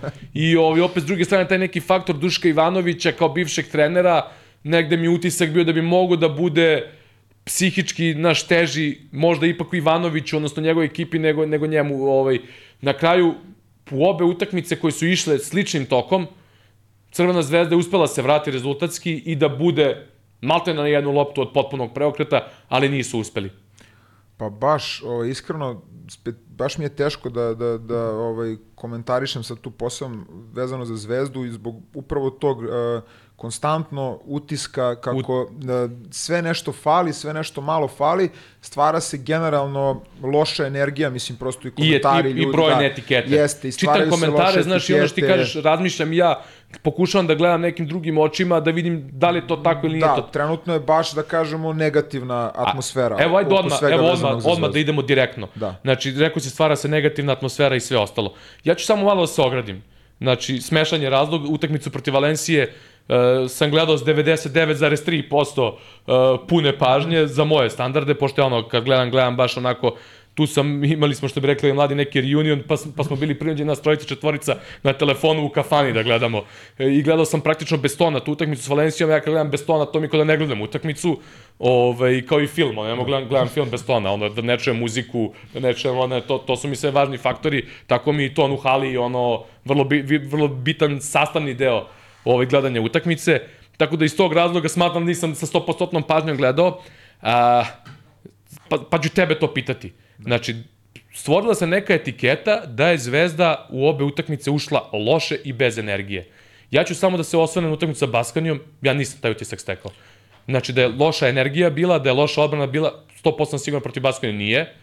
Naprotiv, mislim da je bila dobra energija, da je bila dobra posvećenost detaljima, da je Baskonija pogodila seriju ultra teških šuteva koji su odveli utakmicu u tom smeru, koji te ubijaju u pojam na, na već postojeći neki pritisak i nervozu, a sad ne znam, ako se slažeš, samo proširi mišljenje da. na, na Valenciju, pošto, ajde, kažem, neću sebi da dajem uh, pa, za pravo da komentarišem ako nisam sa 100% pažnje gledao. Uh, znaš kako, teško mi je na tom nivou, nije baš uvek lako ni odrediti šta, tačno znači dobra energija kada nije valorizovana uh, poenima, serijama i rezultatom. Uh, protiv Valencije uh, mi je utisak bio da su ipak nešto ajde da kažemo, smušenije ušli u utakmicu nego protiv, nego protiv Baskonije. A, I sad tu bih, odmah bih jedan faktor uh, izdvojio, koji mislim da je bio jako, jako bitan za, za generalno dobru igru Valencije koja je kasnije usledila, a i da pomenem prosto jedan fenomen koji ja ne mogu da razumem, a to je recimo Stefan Jović.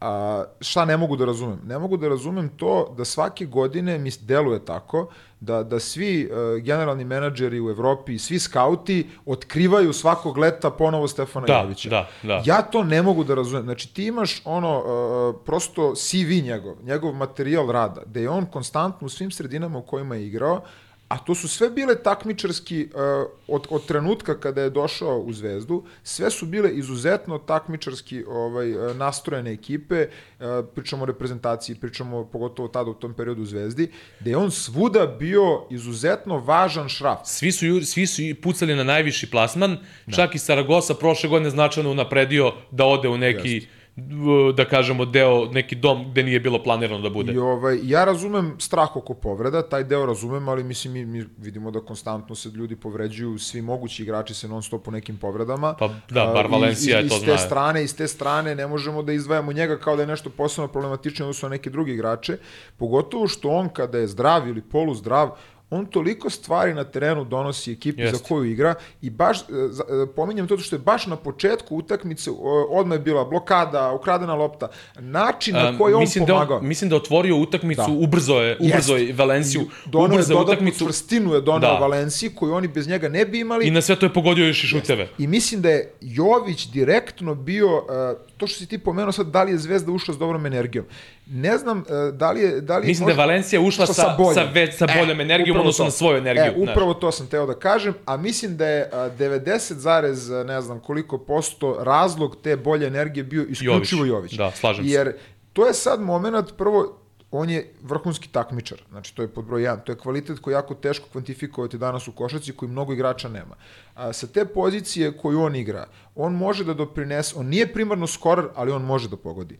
On može da razigra izuzetno i donositi instinkte u odbrani čvrstinu mm -hmm, koju je jako mm -hmm. teško pronaći. Momenti u kojima je on napuštao svog igrača da bi otišao na pomoć i blokadu, ti se možda kažeš da ovo nije rezon neki standardni košarkaški, ali on je tačno proračunao u tom trenutku na toliko vremena koliko je ostalo do kraja poseda da je to za njegovu ekipu najbolje. I, i onda tebi sad taj domino efekt se stvara da nemaš Jovića u ekipi koji ne ode na tu kradenu, ne ode na tu blokadu, ako Zvezda u tim trenucima da koš, totalno druga energija, je li tako? I onda ti prosto ne možeš da, da, da neke stvari osjećaš do kraja kako treba, zbog toga, kažem, meni je najveći utisak otvaranja protiv Valencije bio Jović i Valencija Slažim više se. nego sama, sama Crvena zvezda.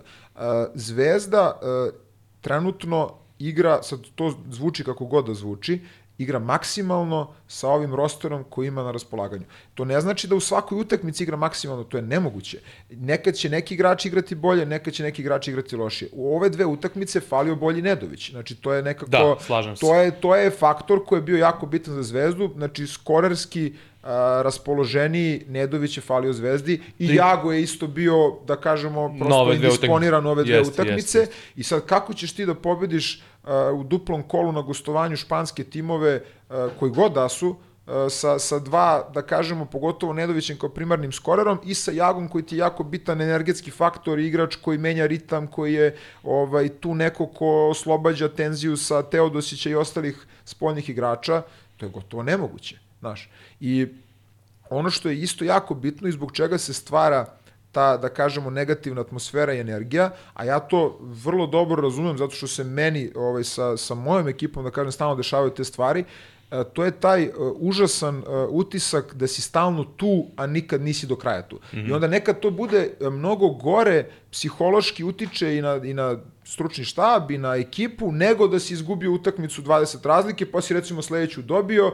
Zvezda je uvek tu, sad koliko mi možemo da pričati o meču, ako se vratimo u prošlu sezonu i o tim neizvesnim završnicama, i već smo pričali na početku ove sezone da je to nešto što stalno stoji kao teret ovaj, što je stavljeno recimo na tereti treneru Ivanoviću, koji sad recimo trenutno u Baskoniji pobeđuje u tim utakmicama, mm -hmm. a i mhm. to može da se okrene. Čak i on dao izjavu posle utakmice sa Zvezdom da su imali sreće. Tako? Jeste. I imali su. Jesu, naravno, da, da, da. Ali sad apsolutno. to su u nekom trenutku okrene, ali ti kada pobeđuješ ili kada malo pobeđuješ, malo gubiš, ti jednostavno, bože moj, je li tako? Ali ako ti uđeš u seriju da si pet puta tako izgubio, da si stalno tu na loptu, na obruč, to, to ono što, ono, znaš, kao u futbolu što to kažu. Krene, to krene da bolje, te rovari. Bolje jednom 5-0 nego 5 puta po 1-0. Ali, ali, ali, nije bolje. Pa jeste. Jer to krene da te rovari, mislim, prosto krene da ti, da ti po glavi, vrate, ono crvi, da ti se motaju, da onda ti jednostavno u nekom trenutku pa, više vidi, ne znaš zašto pa, se to čak, dešava. Čak sad igrači nisu, ja mislim, sigurni šta se dešava, jer u jednom trenutku ja sam mislio da je Luka Mitrović posle Valencije isto to rekao, ko loša smo ušli lošom energijom, a ja da. recimo gledajući nisam stekao utisak da. te loše energije, znaš. U smislu, ajde kažem, protiv Baskonije mi je delovalo da je ekipa bila fokusirana na startu, da su neki detalji u odbrani onako bili dobro sprovedeni, znaš ono, da. u trenutku Lazić pritisne Havarda i onako ga baš pritisne ono njegovo prepoznatljivo, Bolombo da. iskoči, dobro iskomuniciraju preuzimanje, Howard pogodi ono s 8 metara na trojku preko ruke. Šta ćeš tu da uradiš odmah? I kad ti oni pogode takvih pet šuteva, E, ali upravo to, oni krenu da pogađaju, a ti već nosiš tu nesigurnost iz Tako prethodnih je. mečeva i to, to jednostavno utiče na tebe. Na ovom nivou košarke, da igraš protiv vrhunskih igrača, vrhunskih timova, vrhunskih trenera, to malo nesigurnosti, Jeste. to te slomi na kraju. Jeste, i pritom e, ljudi često gledaju jednodimenzionalne utakmice. Znaš, ono, kao Partizan ili Zvezda nisu radili to, to, to i to. Čekajte, ljudi, ima, pa ima i drugi tim. Pa da. Ima i drugi tim. Naravno. Na terenu. I, I niko nikad ne uradi sve što treba. Tako je. Ni protivnik, ni ti. Tako Samo je. je pitanje u toj igri grešaka i dobrih stvari, prosto ko će da napravi manje grešaka ili ko će da napravi više boljih stvari. Da. Ali mislim da je to glavni razlog u čega se stvara ta energija. Drugo, a, kad pričamo o trenutnom ovom sastavu Zvezde koji igra, ne o teoretski sastavu Zvezde kada su svi zdravi, a ti jednostavno nemaš dužinu, dubinu klupe, nemaš igrače koji dvosmerno doprinose. Da, sve, sve više i više se Hangin osta, izostanak. I, I izostanak, objektivni izostanak, on je kao tu Napiera, ali to je objektivno izostanak, a, ti si pravio si koncepciju da ti on bude najvažniji igrač, on čak i kada igra pristojno, da kažemo, to nije to. Znači, to nije ono zašto si ti pravio koncepciju, je mm -hmm, tako? Mm -hmm. I on može da doprinese u nekoj meri da mi možemo da kažemo, evo ga, vraća se ili ne vraća se, ili sad da ne pričamo o ovim stvarima van terena, to neću da ulazim uopšte u te priče. A, ali opet čak i kad on igra korektno, on ne igra odlično, a tebi treba on da igra odlično da bi sve funkcionisalo. Da. I onda ulaziš u situaciju da stalno od određenih igrača tražiš preko mogućnosti. Ti imaš sad partiju Mitrovića ovaj, protiv Baskonija, tu su, mislim, ono, to, i statistički u svakom smislu, čovjek ono za malo triple-double, beleži na utakmici. A, imamo neverovatan rast njegov, kome smo pričali u prošloj epizodi, pa nećemo se vraćamo ponovo na to. Gde on doprinosi kao krilo i kao krilni centar i u odbrani da, da. i na skoku i u Sad se potrefilo da, da je promašao neke one pa. šuteve zicere i to, da je još nekih zicera bilo Jeste. promašeno. A ti uhvatio još 16 lopti, koliko uhvatio Da, lopti? a s druge strane Baskoni je pogađao neke teške šuteve, pa čak i na kraju na Rogavopulos da. i to je pogodio neke šuteve koji su da. bili baš teški preko ruke Ovaj baš jest, onako Jeste, jeste, jeste. A on nije baš da kažemo ono šuter šuter, mislim da. možda pogodi, ali nije baš svojstveno njemu da pogađa u takve šuteve. Onda imaš recimo situacije gde, gde to možda neki novitet taktički, da je dosta puta pokušavao Sferopoulos preko Bolomboja sa posta. posta. To sam da. teo da kažem dve stvari koje su mi se činile na utakmici protiv Baskonije, da, da pokuša Bolomboja malo da spusti bliže koš i da napadne, što opet nije loše određeno u startu, jednostavno nisu ušli, nisu yes. ušli te lopte u koš sa jedne strane, s druge strane, E, meni deluje, ispravi me ako se ne slažeš, da, da je na ovoj utakmici uh, uloga Gedraitisa bila prilagođenija onome što je Gedraitis najbolje radio tokom svoje karijere. Mislim da je na ovoj utakmici mnogo više igran ono off-ball njegov, znači bez lopte, kretanje, znači uh, Gedraitis je najefikasniji uh, uvek bio u, tom, u tim momentima kad trči levo-desno. Znači, kad mu namestiš neki ono, da li je dijamant, da li je bilo šta, znači da, da trči sa ove na ovu stranu da se vraća i u tim situacijama bilo da šutne, bilo da radi onaj curl, da zaseče i da šutira iz koraka one floatere, to su njegovi karakteristični potezi bili uvek plus tranzicija i šutevi u tranziciji. I imam utisak, apropo priče da trener Sferopoulos pokušava da nađe i da izvuče najbolji svojih igrača, da polako te kockice slaže. Mislim da je ovde došao red na Gedraiti sa novoj utakmici, da je verovatno osetio malo i to, ne onaj klasični revenge game, ali možda jeste revenge game, ali koliko sam ja shvatio, ono, e, Basko nije, ni probala da ga zadrži. Iako je tri godine tamo igra, igra manje više dobro. Ove, tako da, verovatno i, i trener Sveropoulos išao je na to da će sigurno imati dodatni motiv i namestio malo više stvari za njega, oni karakteristični. Tako da on imao kontranapade, imao je e, te šuteve iz kretnje i sve to, je, jer on nije ball handler. Od njega ne može se očekuje da kreira. da igra, rečeno. Da. I iz te igre čak i spot upa, onda on nije toliko siguran koliko je siguran kad mu daš da trči da jurca, pa onda kad mu dođe na spot up, on je mirniji i sigurniji. Znaš, nekako se sve to sad skockalo i uopšte nije to slučajno što je bilo na ovoj utakmici. Uh, slažem se apsolutno, sad tu ima nekoliko stvari. Uh, prva stvar vezano za njega, moj utisak kad gledam njega u ovoj sezoni, iako ne igra sjajno, da on nije problem. Da nije, ako, pošto sad krenuli su naravno kad je negativna atmosfera i priča, da, onda, onda se sve, da. ide redom, ono, ne valja ovaj, ne valja ovaj, ne valja ovaj, ne valja ovaj. A, slažem se e, sa nekim opštim utiskom ljudi da on ne igra na nivou koji je možda očekivan. Ali, e, sve Ali ono mislim, što... mislim da opet ljudi nije... nemaju dobro očekivanja. Da, i to je, bravo, Znaš. bravo. To je isto istina što, što ljudi uvek, da, da. To, to, je posledica, to je posledica, to je posledica ovog današnjeg vremena. Koren svih problema je pogrešno očekivanje, da. Ovaj, uh, mi sad imamo toliko prenosa svih liga i svega ostalog, da je tebi sad svaki igrač poznat. Ti znaš, ono ranije, znaš, kad imaš jedan prenos nedeljno, pa kao ko je ovaj osmi neki igrač ušao, ko je ovaj, kao, znaš. A sad svi znaju 15. igrača svake ekipe. Ali da li znaju ili samo znaju za znaju njega? Znaju da, za njega da postoji i znaju da igra, ne znam, u Španiji. I sad automatski taj igrač kad pređe, ne znam, iz Baskonije u, ne znam, Turk Telekom, u, evo doveli su ovoga, kao, znaš. I to automatski svi imaju doživljaj kao doveli su vrhunsko pojačanje, a zapravo možda on tamo bio igrač uloge. Možda on nema kapacitet da bude nosilac u Turk Telekom. Da nema karakter. Da nema, da, znaš. I da, da često se zbog toga, i zato mi ovde pokušavamo od starta, od prve epizode da, da objasnimo, eh, da kažemo neki skautski način eh, šta su prednosti igrača, šta je, kako, kakvi su oni karakteri, kakve su uloge imali u određenim klubovima i da vidimo kako će snaći i kakve će uloge dobiti u novim klubovima. A, je li isto ako, da smo ja ti sad skauti, je li isti, isti kriterijum imamo kad dovodimo igrača za, ne znam, Tubingen ili da dovodimo za Kralsheim ili dovodimo za Partizan i Zvezdu? Pa, ne pričamo o kvalitetu uopšte samo, kvalitet nesporan treba ti i za jedno i za drugo ti treba kvalitet. Naravno. Ali kakav ti karakter treba, kakva ti glava treba, ko može uopšte da se nosi sa igranjem za večite kada krenu stvari nizbrdo. Kad je dobro, svima je dobro, naravno, ali kad krene loše, pa možda neki zvižduk, pa nervoza, pritisak. Da se vratim samo na sekund na, na Gedritisa. Uh, on je igrač koji je ono 0 do 3 driblinga.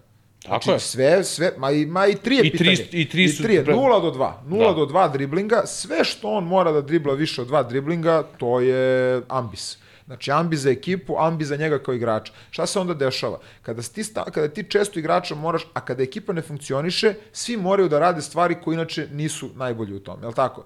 I onda se non stop dešava efekat da svaki igrač koji mora da izlazi non stop iz uloge, on malo po malo radi stvari koje nije navikao da radi, koje ne zna dovoljno dobro da radi i to utiče na njegovo Dalje. samopouzdanje. Tako je. I vremenom on kumulativno stiče Nisi u komfortnoj zoni i počneš da overtinkuješ. Jeste, i onda ti, i onda ti negde si, si, da kažemo, razotkriven kao igrač, jer svi igrači misle za sebe da znaju sve. manje više sve. Da. Znaš, redko ko je objektivan i za sebe, vidi, ja znam ove dve stvari, nemoj da me diraš, znaš, svi oni, i onda, Uh, to ti ono kao često kad ih slušaš, znaš, e, da mi je trener dao veću ulogu, ja bih pokazao, ja bih pokazao, ja bi ovo i ono. I onda kad dobiju tu veću ulogu, igrom slučaja, onda uđu u nesigurnost, nalaze se u situacijama, pogotovo na tom nivou se to jako skupo plaća, I onda to počne da utiče na njihovo samopouzdanje na njihovo mišljenje o samom sebi u tom trenutku, što, što je nešto što najgore što može da se desi u toku sezone, ti ono, nema, pričali smo duplo kolo, pa ide liga, pa ide ova, ide nova godina, ide serija utakmica, najmanje ti sad treba da igrač ulazi u bilo kakvu nesigurnost.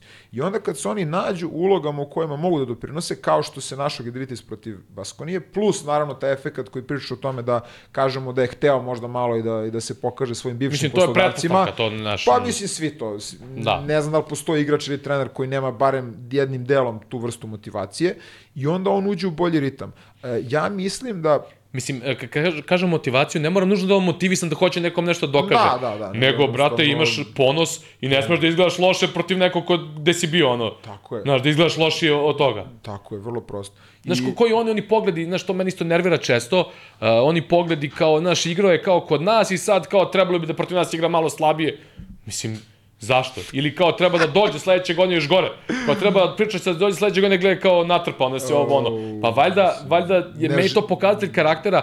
To je, to je bila ovaj, jedna ovako interesantna priča sa, sa jednim uh, golmanom ranije i sad znalo se dolazi u klub, bla, bla, bla i on se razbranio, znaš, ovo i svi kao, brate, zar ti nije u interesu da dođeš sledeće godine da igraš ono, kup ligu šampiona, šta god, šta si se razbranio? Kao, pa čekaj sad, kaže, ja da ovde lošije branim, da dođem posle kod vas, svi će kažu da- evo, sad si pustio ove, znaš, ono, i, i ostalo, razumiješ? će kažu loš golman. Pa da, znači, bukvalno treba u svakom trenutku biti maksimalan i ne treba podilaziti tim nekim sitnim, sitnim, ono, nazovi, ne znam, ja, emocijama, zadovoljstvima, kako god, da se neko, dopadneš nešto javnosti. Jednostavno, ja volim te, znaš, Rec, recimo, ono, ne znam, Nemanja Vidić, dok je igrao. Što ja volao kod njega, što je stalno tako, ono, neki izraz lica, nema Nabrdan. ono nekih, ono, znaš, da, da, ne, ne potpada po te neke sitne, znaš, stalno ono spreman, maksimalan, ovo, i, znaš, i ti neki još igrači sa tim tako facama, znaš, ne, ne trude se da se, da se ono, dodvore na taj neki način, znaš, ono, neprirodno. Znam, znam tačno na što misliš i slažem se i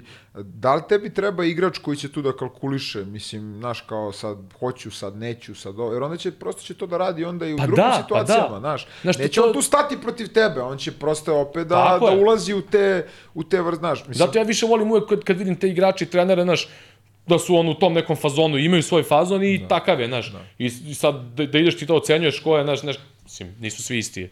To, to kad si pomenuo Vidića, on, odmah mi se vratio onaj debi za reprezentaciju U protiv Napolju, Italije. protiv Italije, da. protiv, u tom trenutku, koliko se ja sećam, a mislim da se dobro sećam, je Pipo Inzaghi bio u nekoj nenormalnoj formi. Da, da, da. De, de, čovjek se nije ono video, Video. nisi ga, znači, tad kao klinac gledam utakmicu i kažem, vidi, ovo je štoper, ovo ja, ja, ja ne znam ono, o, ko je gledao ovu utakmicu i da ne pomisli da treba da ga potpiše odmah, nebitno, Real, Barcelona, ne znam, na kraju ispoli United preko Spartaka, ali ti vidiš čoveka koji, brate, to je to, brate, znaš ono, to je to.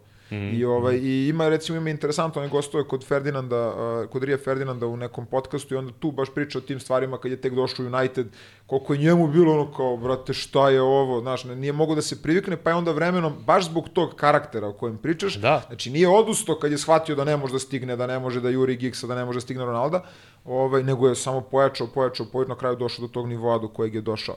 A, tako da ja, ja bih uvek, kad god sam u mogućnosti, birao isključivo takve igrače i taj aspekt, znaš, kao treba da se trudi manje ili treba da se trudi ovoliko, ja to jednostavno ne razumem.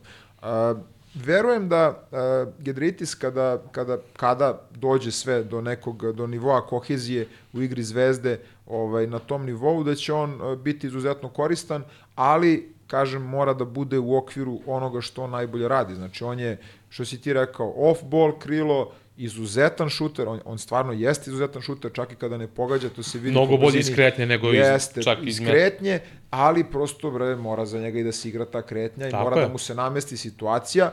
To je problem s njim ako ga analiziramo kao igrača, e, što on zavisi od... On Od je, drugih. Tako je, on je, on je sekundarni, tercijarni kreator, znači on nije kreator za sebe, on ne može, nikad neće moći da odigra izolaciju, pogodit će jednom u hiljadu slučajeva takav šut, a, znači mora sve ostalo da funkcioniše da bi on došao u poziciju da ti kažeš, u čoveče, kakav igrač, kakav šut. A ka, kad je ovo sve funkcionisalo kao na ovoj utakmici, onda pogodi Da. onakav šut, ono iz izjednačenja. Jeste. Dakle, onda može i Ali takve je da to pogodi. posledica samopouzdanja I koje je sticao pred- tokom Tako je, utakmice. to je to. Ali ako ti tražiš od njega da ti 10 puta pogodi takav šut, čovjek neće pogoditi ništa. Mislim, i kad izvučeš tako neke igrače, ne znam, eto, to vezano za to za šutera, pa izvuci recimo J.C. Carrolla iz Reala, Iz Reala pa ga kao stavi u neku ulogu da on mora, pa da mora ovo, pa da može izgleda čovjek Pa da. potpuno I evo ti jedan, de, jedan detalj na, na toj utakmici uh, juče. Uh, Crvena zvezda je dosta dobrih stvari napravila uh, tim oni, ne znam, ili pin downom ili šta ja znam za, za uh, Gedraitisa, pa ne znam, u tim momentima kad Tobi bio na terenu, on odmah kako ovaj istrči iz bloka, Tobi se otvori u korner, Da. napravi se tu prostor za Gedraitisa, ako on ne može, onda je Tobi otvarao i u, tih ne, u tim nekim momentima Crvena zvezda krenula da stiže, ja mi za to ono u drugom polovremenu bilo na početku. Onda Duško Ivanović dobro odreagovao, Kocar mi je bio tu onaj što ja volim da kažem unsung hero, ovaj, onaj, sa nekim doprinosom koji nije toliko bio primetan ni, ni u statistici, ni ovako, a koji je bio krucijalan. U tom trenutku je Kocar krenuo da preuzima sve te situacije, izuzetno dobro odbranio i Gedraitisove kretnje, a onda kasnije u nekim situacijama kada je preuzeo na bekovima 1 na 1, nisu uspeli Jago još neki da ga, da ga pobede 1 na 1. Tako da mi Kocar na toj utakmici ovako iz nekog petog plana odradio tu malu, malu onako, a vrlo bitnu ulogu za ekipu Baskonije. Jest, jest. Pa, e, mislim, ova ekipa Baskonije onako, ne znam, specifična je. E, s jedne strane, prosto kad gledam imam utisak da znaš, ne vidim tu sad neki ekstra kvalitet u odnosu na ove timove iz vrha, kad kažemo Euroligi. A opet, kad malo zagrebeš, ti sad tu imaš dosta igrača koji doprinose, a tihi su, znači imaš Kocara, imaš naravno, Moneki je sad trenutno, da kažemo, i u usponu i, i popularan je među A, ljudima koji prate, nije da, tih. nije tih, ali recimo, ima tu stvarno dosta, dosta elemenata ovaj, koji igračkih i, i taktičkih gde, gde može da se napravi dosta kombinacija da, da ekipa izgleda, izgleda funkcionalno na terenu. Pa evo ti u jednom trenutku Moneke na pet i Sederkerskis na četiri, znači jedan je bio krilo, jedan je, obojica su bili krila zapravo, da. I, I dalje imaju stil igre ko krila, ko bekovi maltene, a Sedekerski sa ove godine praktično primarno četvorka maltene. I on je protiv Partizana napravio ključnu razliku i protiv Crvene zvezde napravio neke ključne prednosti na utakmici, pogodio neke važne šuteve, radio neke stvari, mnogo je teško braniti u tim situacijama kad imaš, značiimo neke cel, ono što je bio na terenu sa vreme napadao kao spoljni igrač. Da. Da. I licem a, a, i... A nije ti mana u odbrani, nije ti mana u od, da možda kažeš da ti je na skoku problem zato što je on niži, zato što, zato što niži, je, da. nego ti donosi e, plus u napadu i donosi ti barem egal u odbrani ako ne plus na toj poziciji. A, I ta situacija na kraju, taj, taj napad Sedekerskisa, mislim, gde su iznuđena bacanja koje su na kraju prelomila utakmicu, ovaj, tu, tu mi je onako da kažem, pš, ne kažem čudno, ali odbrana Bolomboja, ovaj nejasno blizu. E, znaš, ako vratiš na, na Mhm, trenutak tu odbranu, a, to ne mogu baš da razumem, iskreno. E, to, to možemo da pričamo sad... To je na onim, 9 metara, to je 6 sekundi do kraja, ali tako? Mislim da je bilo 6 sekundi.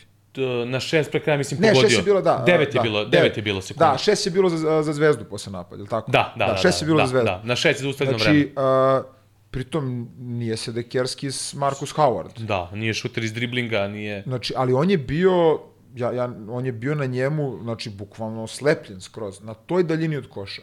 Ne vidim scenariju u kojem ga ne bi obišao. Ja bi, nije ništa sporno da je recimo u toj situaciji bio Slopton Howard. Znači, tu, tu naravno jednostavno moraš, moraš da da budeš neku vrstu rizika.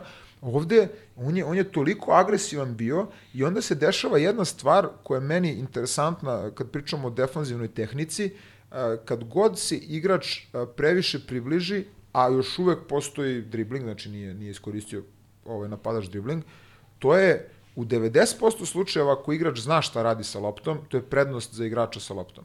Znači, nemoguće da ti na toj blizini možeš da odbraniš igrača ako on zna šta radi. Naravno, možeš ako je on nesiguran s loptom, pa je neki igrač koji ne može da napravi kreaciju iz driblinga. A, taj, taj detalj mi se baš nije dopao. Verujem da je to od igrača, ne verujem da je to neka bila odluka stručnog štaba, direktno je odlučio, mislim, utakmicu.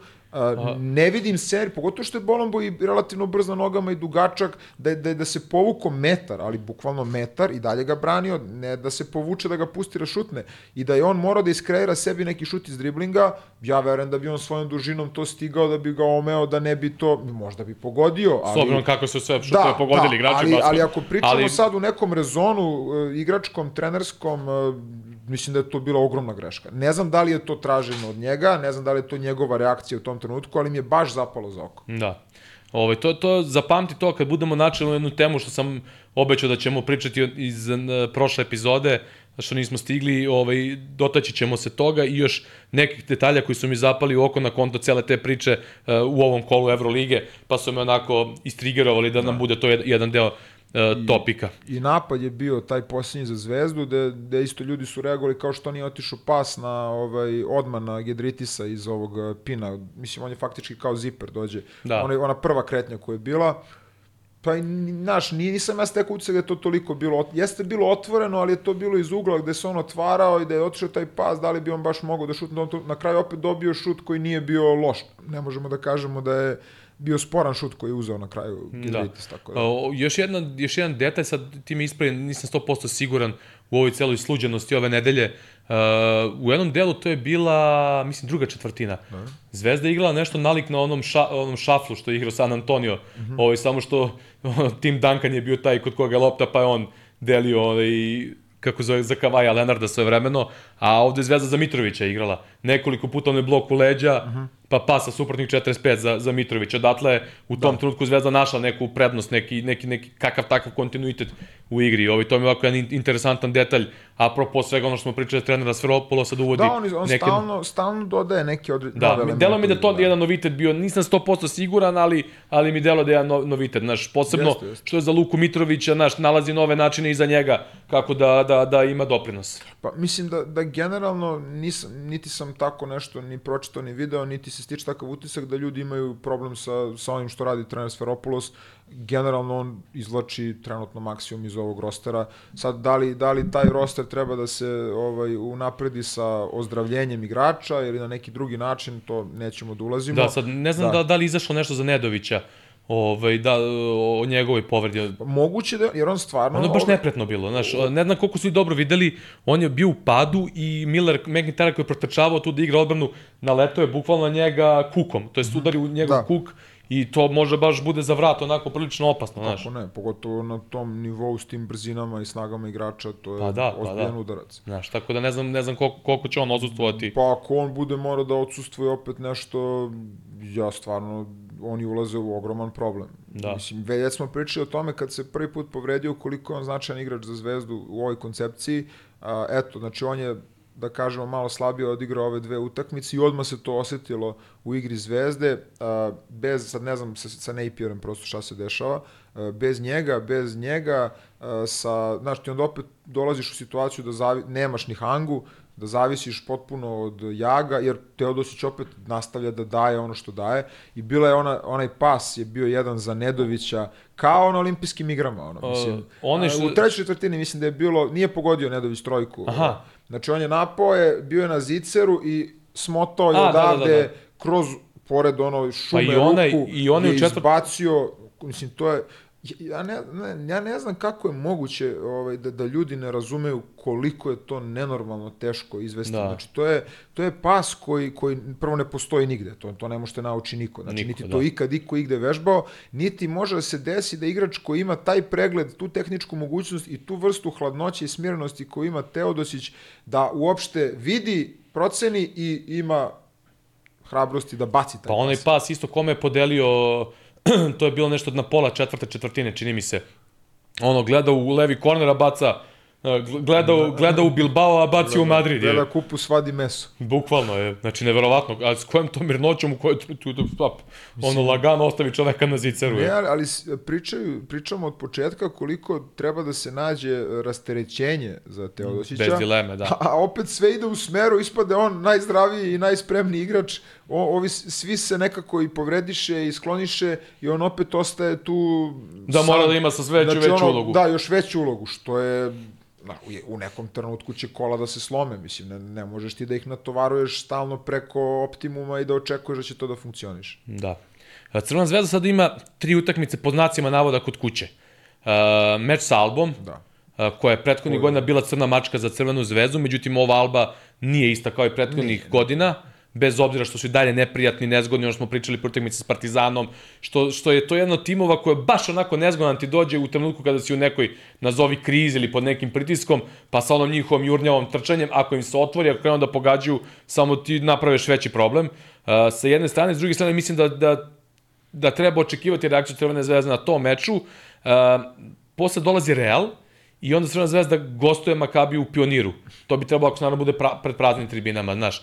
Uslovi su takvi specifični da je to jedan onako, da kažeš ovako, Alba koliko god nezgodna bila sa svim ovim faktorima koje smo pričali, i te kako je pobediva utakmica, čak i ono to must, must win, win to, must win vidi, ono. To je Srki baš must win. Must win, i ako se to dobije, malo se menja atmosfera, da. dolazi Real, sad ne znam koliko ljudi su to pratili, ja stalno imam utisak da je Real, eh, kakav god bio, kogod jak bio, često znao da dođe Crvenoj zvezdi nekim momentima kada je zvezda bila u krizi, da, da se pobedom protiv Reala okrene tog sezone. Pa je to bilo na Quincy Miller utakmica, da. pa je to bilo na Pero Antić utakmica u Madridu, da. pa je to bilo još nekih utakmica gde je zvezda u tim momentima je okretala neki tok sezone pobedama protiv Reala.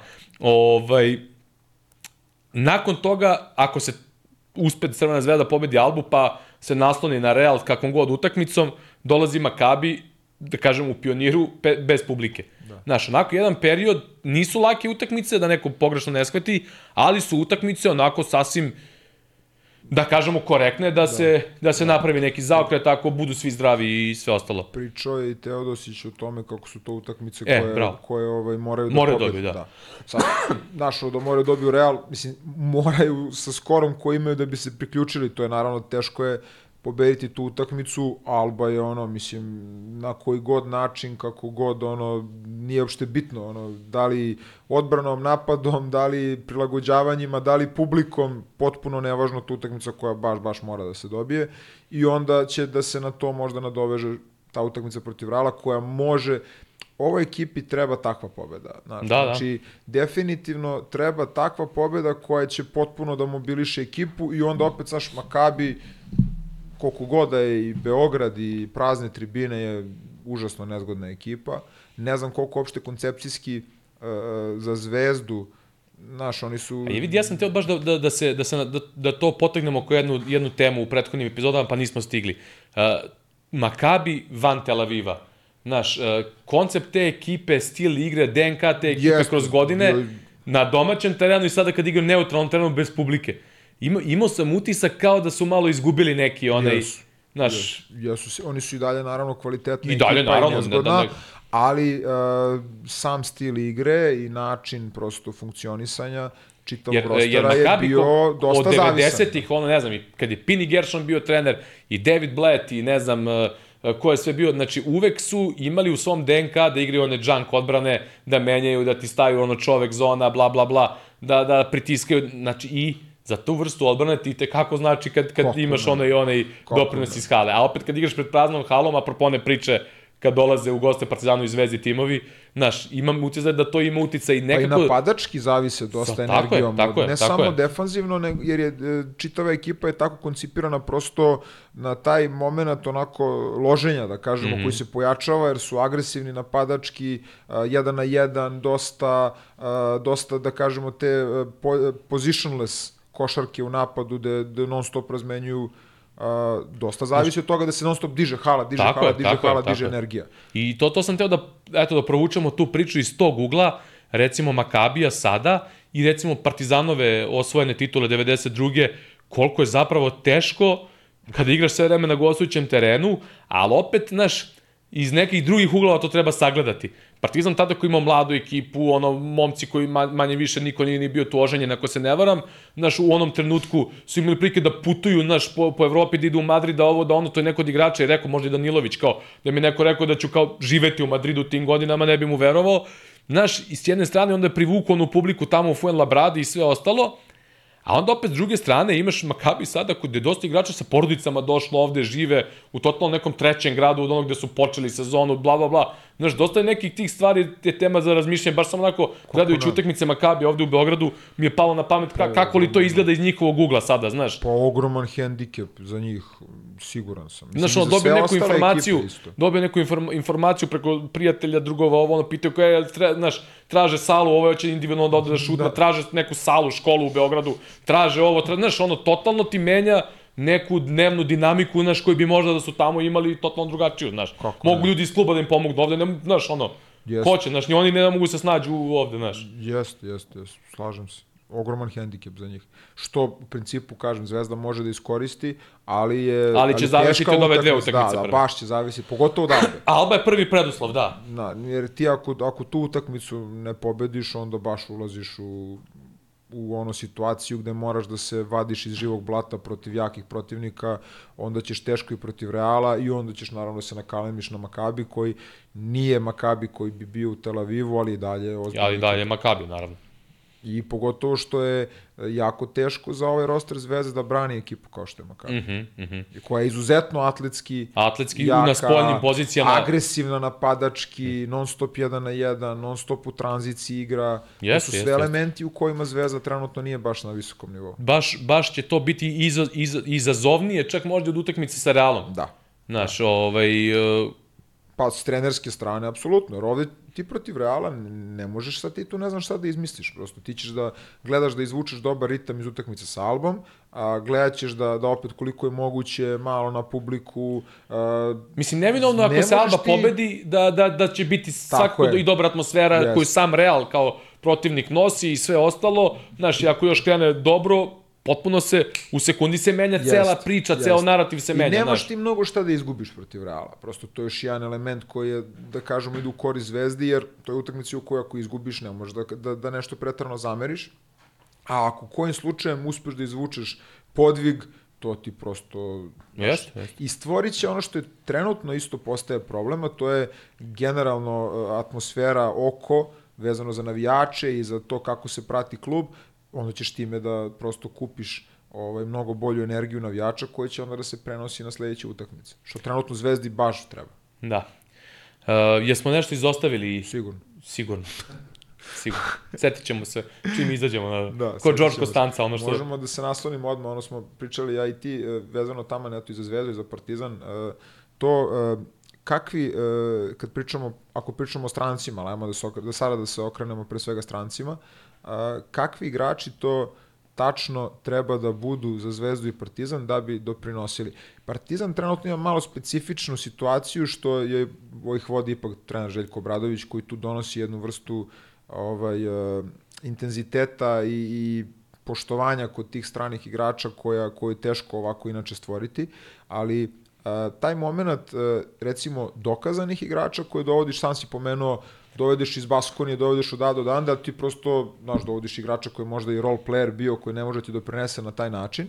I e, da uporedimo recimo sa, sa igračima koji su, da kažemo, ranije bili dovođeni verovatno zbog uh, prosto finanskih mogućnosti koje ti nisu omogućavale da dovodiš igrače iz... A i zbog činjenice da si imao jednog dvojicu stranaca. Da dovodiš igrače koji opet tu onako više dođu da se dokazuju na neki način nego što su došli kao veće tablirani da, do, do, dolazili su ovde pod znacima navoda gladni pravljenja da, karijere. Da, da. I, I sad recimo taj aspekt je, je meni interesantan da iz tog ugla Pa meni je ovaj... interesantno to zato što su nekada igrači bili, da kažemo, mnogo spremniji na sve, sve obuhvatniji i sve ostalo i veća je šansa bila da ga, kad ga dovedeš da ti bude nosilac, da oni napravi tu razliku. Nego da. sada gde je ova positionless košarka i gde, gde sad ono, gde su rosteri po 5-16 igrača, gde se neko snađe u nekoj ulozi malo i većoj, bla bla bla, a ne znači nužno da će da, znaš, ovde su nekako, ti si manje više svugde gde god igraš imao sličnu ulogu. Da. Je tako? Nije da. bilo tolik, tolikih rostera, nego ono 7-8 igrača igra i manje više kad dovodiš, znao si šta dovodiš i na šta je taj igrač sve spreman. Na stranu sad što možemo da pričamo ono o, o skillu tih igrača, kakav je ono apropo one priče o, o Brady-a kod Steven A. Da. Što je rekao, znaš, mislim da je nekako ranije lakše bilo to za, za iskautirati nego danas. Pa jest. I sad, koliko ti recimo, a tome smo pričali na početku, ovaj, ovim početnim epizodama podcasta, a, koliko sad recimo taj moment koji je u nekom smislu i pozitivan, što ti sad moraš da se navikneš i kao navijač i kao igrač na kraju krajeva, oni su se već navikli, da više nema tog momenta da ti dovodiš stranca da ti doprinosi, ne znam, nija, da igra 30 minuta svaku utakmicu i da ti doprinosi u mnogim elementima, nego dovodiš za neku ulogu, za prosto koliko to je pozitivno, a koliko s druge strane ti donosi, da kažemo, neko smanjivanje tog igrača na određeni kalup iz kog on posle kad ti tražiš od njega da iskoči, on nije sposoban da iskoči. Pa da. Ja sam pomenuo Real kao tim koji je ono naj, najsavršenije raspoređene uloge i igrače koji su spremni, znaš, ti, ti imaš jednog kozera, na da. primer koji je u stanju da ne igra četiri utakmice i da, igra... i da ti reši Euroligu. da. da ti je reši ako treba samo dobrom odbranom ili da ti je reši dobrom odbranom i šutem za tri poena. Ili prodorima. Pa si imao takvog istog Randolfa pre povrede.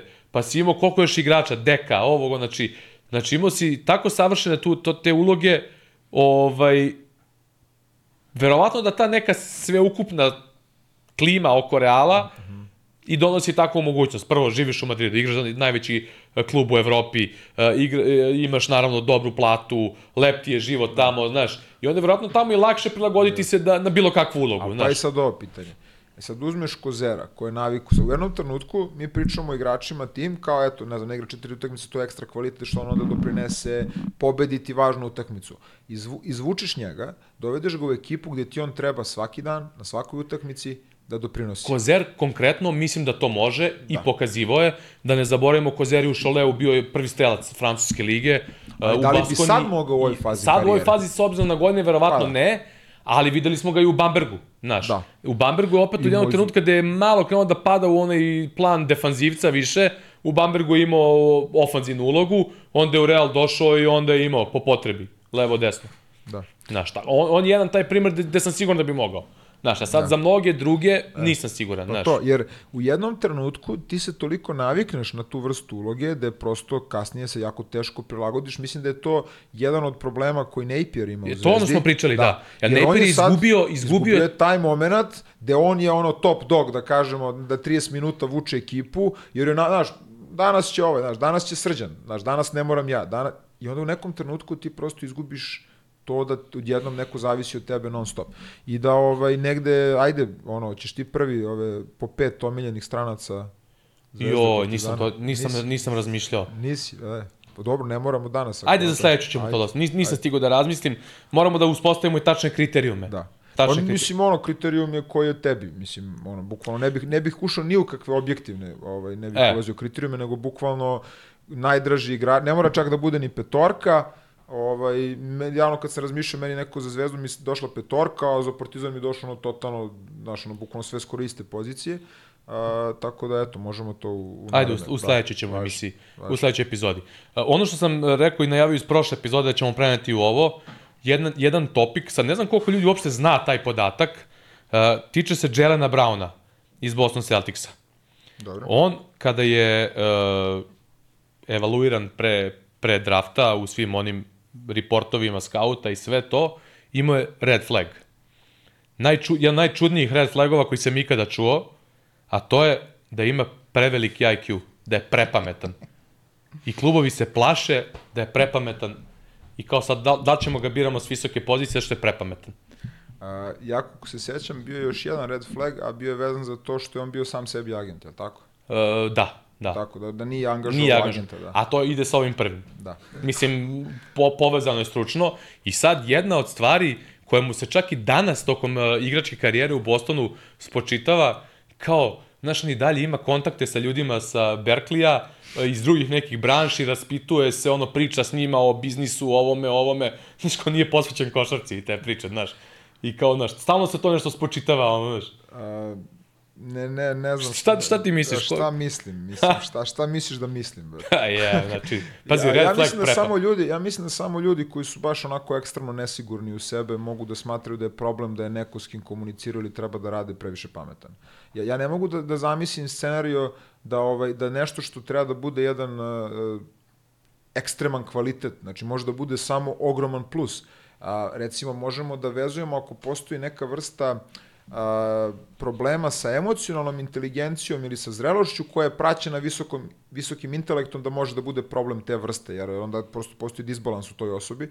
A, ali sam a, intelekt koji je visok po sebi, bez ovih ostalih, da kažemo, problema koji mogu da naprave ozbiljnu kombinaciju koja je problematična, Ja to ne mogu da razumem, jer to može u svakom smislu da bude samo prednost. A to, a to tek vezano za održavanje kontakta sa, ne znam, naučnicima ili ne znam s kim, ili sa možda IT ljudima ili ne znam s kim ovaj, održava kontakte pa je problem, u današnje vreme u kojem a i ne samo u današnje vreme igrači održavaju kontakte sa svoje koje kakvim sumnjivim, pogotovo u NBA-u, ono njihovim grupicama, ovaj de de vuku ono na socijalnom osiguranju vode 20 ljudi sa sobom, a da je problem što neko komunicira sa studentima ili sa je, je, ili ne, sa asistentima, je, ne, je profesorima neve, je meni znači neverovatno i i ne mogu da shvatim da nekoga nije sramota da ta inform... ako i jeste to tako, ćuti, pokri se ušima, nemoj da to neko čuje. Nemoj da izađe u javno. Nemoj da izađe, jer je stvarno,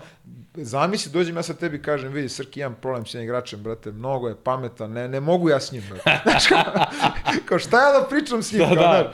A, i, I pritom sad kao, a, ima interesovanja koja nisu vezana, pa prvo u današnje vreme, ja ne znam koji više igrač se bavi samo košarkom, ako pričamo samo o košarci. Svi imaju usput neke stvari kojima se bave, što je meni skroz legitimno, Legitimno, naravno. dokle god teren ne pati. Jel Tako tako? je, tako znači, je. da li je u pitanju Denis Rodman, koji je potpuni ludak bio? Da li je u pitanju neko ko priča sa asistentima na fakultetu? Mene to ne interesuje dokle god je on na terenu onaj pravi koji treba da bude. Jel tako? Tako ja je. mislim da to treba da bude jedini rezon svima. E šta sad, ako a, ja nemam kontakte ni sa kim, znači ako sam neki no-lifer i po ceo dan igram igrice, recimo kući, što ima igrača koji to rade, sa, on je kao posvećeniji košarci nego ovaj Da. gde ti otvoreno vidiš da on, ne znam, svrati do fakulteta. Mislim, koji su to, koji su to rezoni ljudi, ja to znam, ne kao, mogu mo- da shvatim. Možda nabija komplekse ovim drugima, E, kao, pa ja znaš, mislim kao, da je to. Svojim, da, da. svojim, A uvek je to. Pa da. Znaš kako, i to što kažu da ima pre, da previše pametan, što i dalje mi ono dok izgovaram mi je neverovatno da to uopšte pričam,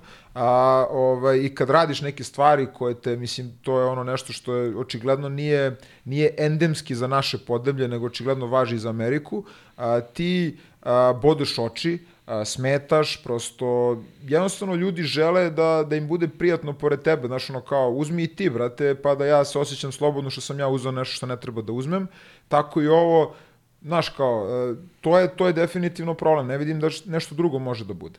Evo ti jedan primer, naš, uh, jedan od problema u igri Jelena Brauna prethodnih sezona je bio recimo veliki broj izgubljenih lopti pasom. Mm -hmm. Ove sezone je on drastično spustio tu brojku, znači u odnosu na prošlu sezonu nije baš prepolovio, ali u odnosu na tamo recimo pre tri sezone je prepolovio i više ovaj, te izgubljene da. lopte. Znaš, Ko, ko je, da li on to našao, da li je to stručni štab našao, ko je našao, razumeš? Nebitno, mno, mnogi da, da, da mu dođe da mu kažeš to, možda bi rekli, beži bre, znaš, ono šta ja, ti meni... Ja razumem recimo problem overthinkinga, znaš, znači, ali Da, taj, ali taj može problem možda ima i glupi igrač. Tako je, tako je. ne mora taj problem da bude nužno vezan za pametnog igrača, to je problem s kojim se svi ljudi koji se bave nekim poslom, pogotovo kao što je košarka gde, gde rezultat ne zavisi uvek od tvog truda uh, direktno, uh, uvek možeš da uđeš u taj problem. To mogu da shvatim. A moj problem sa Brownom je što ja mislim da on apsolutno ne vredi tog novca koji je plaćen, Da. da on nije taj nivo igrača, on je, on je stvarno Ja isto odličan. igrački nisam nešto... Da, on je odličan igrač, je odličan nije, igrač, nije da. sporno, ali da li je za taj status Koliko? super, 304 super, miliona, super da. maksa da je on, najpla, je on trenutno najplaćeniji igrač? Da, nisam siguran. A- Kad je, kad je tuđa lava u Pa pitanju, to, uopšte znaš, ne ja to, ne... ne, eto, recimo, ja, ja tu jedino gledam kroz salary cap i us, koliko Da. ti to ograničava u drugim stvarima. Mene nikad to nije zanimalo njegove plate, nego Naravno, prosto ti da. znaš kakav je sistem u američkom sportu, što veću platu ima jedan, manje ostalo za sve Tako je, ostale da tako sklopiš ekipu. E, recimo, taj status mu ja nikako ne bih dao, mislim da nije taj nivo igrača, ali da je odličan igrač i da, i da je opet, uh, u odnosu na moje očekivanja, prebacio I NBA karijeru Isto, isto. i Ja to je nisam imao- prebacio dobrano je prebacio slažem se. svaka mu čast mislim Slažem se, apsolutno, apsolutno. E, i sad dolazimo na onu priču što si malo pre pričao za onu Bolombojevu odbranu i da tih par nekih situacija. Recimo, jedan od igrača koji je važio za prepametnog je Shane Batije. Shane Batije, ja sam to pričao stalno prenosima, jedan je od igrača koji upija sve skautinge, koji gleda timove, koji analizira protivnike, analizira igrače i on je svaki put imao za nekog drugog nešto drugačije. Znaš, ono, pa sećam se nekih situacija kako brani šut, ono kad ide na close out, skače i ide ono rukom u lice, a telom sklanja se pored, znaš, onda ne može napraviti telom faul protiv određenih igrača koji bolje iznuđuju ili ne znam, imaju neki položaj tela da ćeš lakše da udariš u njega i sve ostalo. Znaš, i to, to je stalno bila priča da Šena Batija bukvalno upija skautinge. Te smo mi sad u eri kao da se ne opterećuju igrači, gde ovo, gde ono, i onda se dese ove situacije, recimo, bi- bilo je, bila ta situacija Bolombaja, pa ne znam, ono, bilo je i ne znam, i na Partizanu i sad na Zvezdi, pravi, pravi se faul na šutu za tri pojena na Cody Miller McIntyre koji je loš igrač. Pa ne znam, na utakmici Valencija Zvezda je bila jedna situacija, neko iz Valencije je napravio neki faul totalno na nekom igraču, šta je to beše bilo? Znaš, ono, potpuno bez... Pot... Imam utisak stalno da pored svih tih današnjih skautinga i svega ostalog, igrači ne poznaju svoje protivnike. da Znaš, slažem se uh, sve više informacija sve vi, sve manje znanja onog konkretnog direktnog i, i prosto imam utisak uh, a to, znaš to me pričaš- podsjeća malo, vidio sam neki mim, ono, neka slika, ovaj, kao 1980. pa citat kao 2023. kola će leteti, Da. a onda kao 2023. dve tačke i ono papir dole neki iz, no- iz nekog restorana, kao nemojte jesti ovaj papir, kao, znaš, ono. E, pa to je, to je, to je bukvalno tako, jer, jer uh, imam utisak da uh, nekako igrači danas, i sad recimo priča, o tome kad pričaš i sa nekim trenerima i skautima koji rade na profesionalnom nivou, znači pričamo o ozbiljnom nivou košarke, nevažno da li je to Euroliga ili neka nacionalna liga, gde oni otvoreno kad pričaš ovako kažu, ja znam da taj igrač neće pročitati to, kao ali bitno je da ja to uradim da bi me on cenio kao trenera pa će da me posluša možda neki put. Što je opet donekle razumljivo, niko od nas ne radi 300% svoj posao iz 1001 faktora. Ali opet s druge strane i ne mogu da razumem, jer uh, to je tvoj posao. Znači, uh, mnoge stvari koje mi podvodimo pod faktor sreće bi mogle da se izbegnu ako se uradi ono što treba da se uradi, je li tako? Tako je. Znači, a, da li ćeš ti da se zaletiš jednom stvarno tako da te inercija povuče da ćeš slučajno napraviti taj faul? Da, ali neće pet puta da ti se desi, je li tako? Pogotovo na nivou jedne cele sezone. Ako si ti konstantno u fokusu, imaš timski sistem kako ćeš da braniš ili imaš individualno zaduženje na toj konkretnoj utakmici za tog igrača i ti to ispoštuješ, smanjuješ, znaš, što si, brate, bolji Smanjuješ da što faktor više sreće radiš, ili nesreće, koji smanjuješ... postoji, koji uvek će da postoji. Uvek će da postoji, naravno. Ali što si ti spremniji, što si ti bolje pripremljen i koncentrisani da to što si spremao izvedeš na licu mesta, sve, će manje, sve ćemo manje pričati o faktoru sreće i onda ćeš ono, znaš, kao, e, ovu nas je htelo, znaš, e, ovu smo uspeli, da, zato što si uradio ono što Pa si trebao da ne, to, uradiš. to je ono, znaš, vraćamo se onu priču o treninzima. Nekada i danas, ono, količini treninga, intenzitetu jest. treninga i to sve stvarno ostalo. stoji kao ja ja otežavajuća okolnost za današnje igrače. To stvarno. Znaš, što kaže jedan moj prijatelj isto stalno, znaš, kao, pa čekaj, kao, ovaj pijanista kad vežba klavir, jel manje vežba klavir da bi nastupio na koncertu ili, ili više vežba?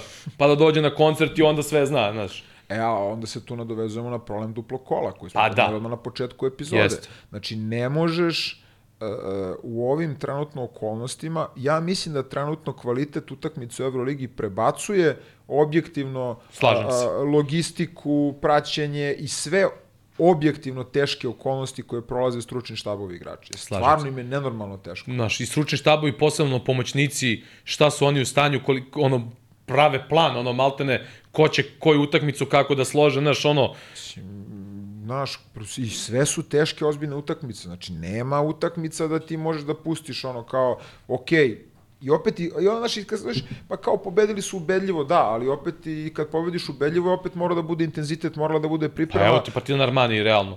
Na kraju kao ispalo ubedljivo, a ko nije gledao utakmicu, rekao bi ubedljivo, a Ubedljivo bio si na granici ambisa, Pa da. znači bukvalno Pa si da. mogao da izgubiš utakmicu bez ikakvog problema. tako je. I, I to stvarno stvara nenormalnu količinu pritiska iz koje se nekada desi i povrede, nekada iz drugih razloga, ali svi treneri non stop pričaju o tome i sa punim pravom pričaju o tome i stvarno im je jako teško i uh, dokle god se to ne reši, znaš, nećemo ni moći da pričamo toliko o tome zašto igrač ovaj nije shvatio da treba ovako da izađe na igrača, zašto su izašli na McIntyra, nisu ga pustili, jer e, ti uđeš jednostavno ono svako veče nastupaš u diskoteci i ti više Na ne znaš u kom si krajeva- gradu i to je to. Na kraju krajeva treneri prvi nemaju vremena da gledaju Euroligu, na primjer. Ti sad evroligaški trener, ti nemaš toliko vremena da gledaš utakmice druge protivnike, samim tim manje prostora imaš da ne, mislim, ali da, evo, da, da, da nađeš te neke 48 sati imaš do sledeće utakmice.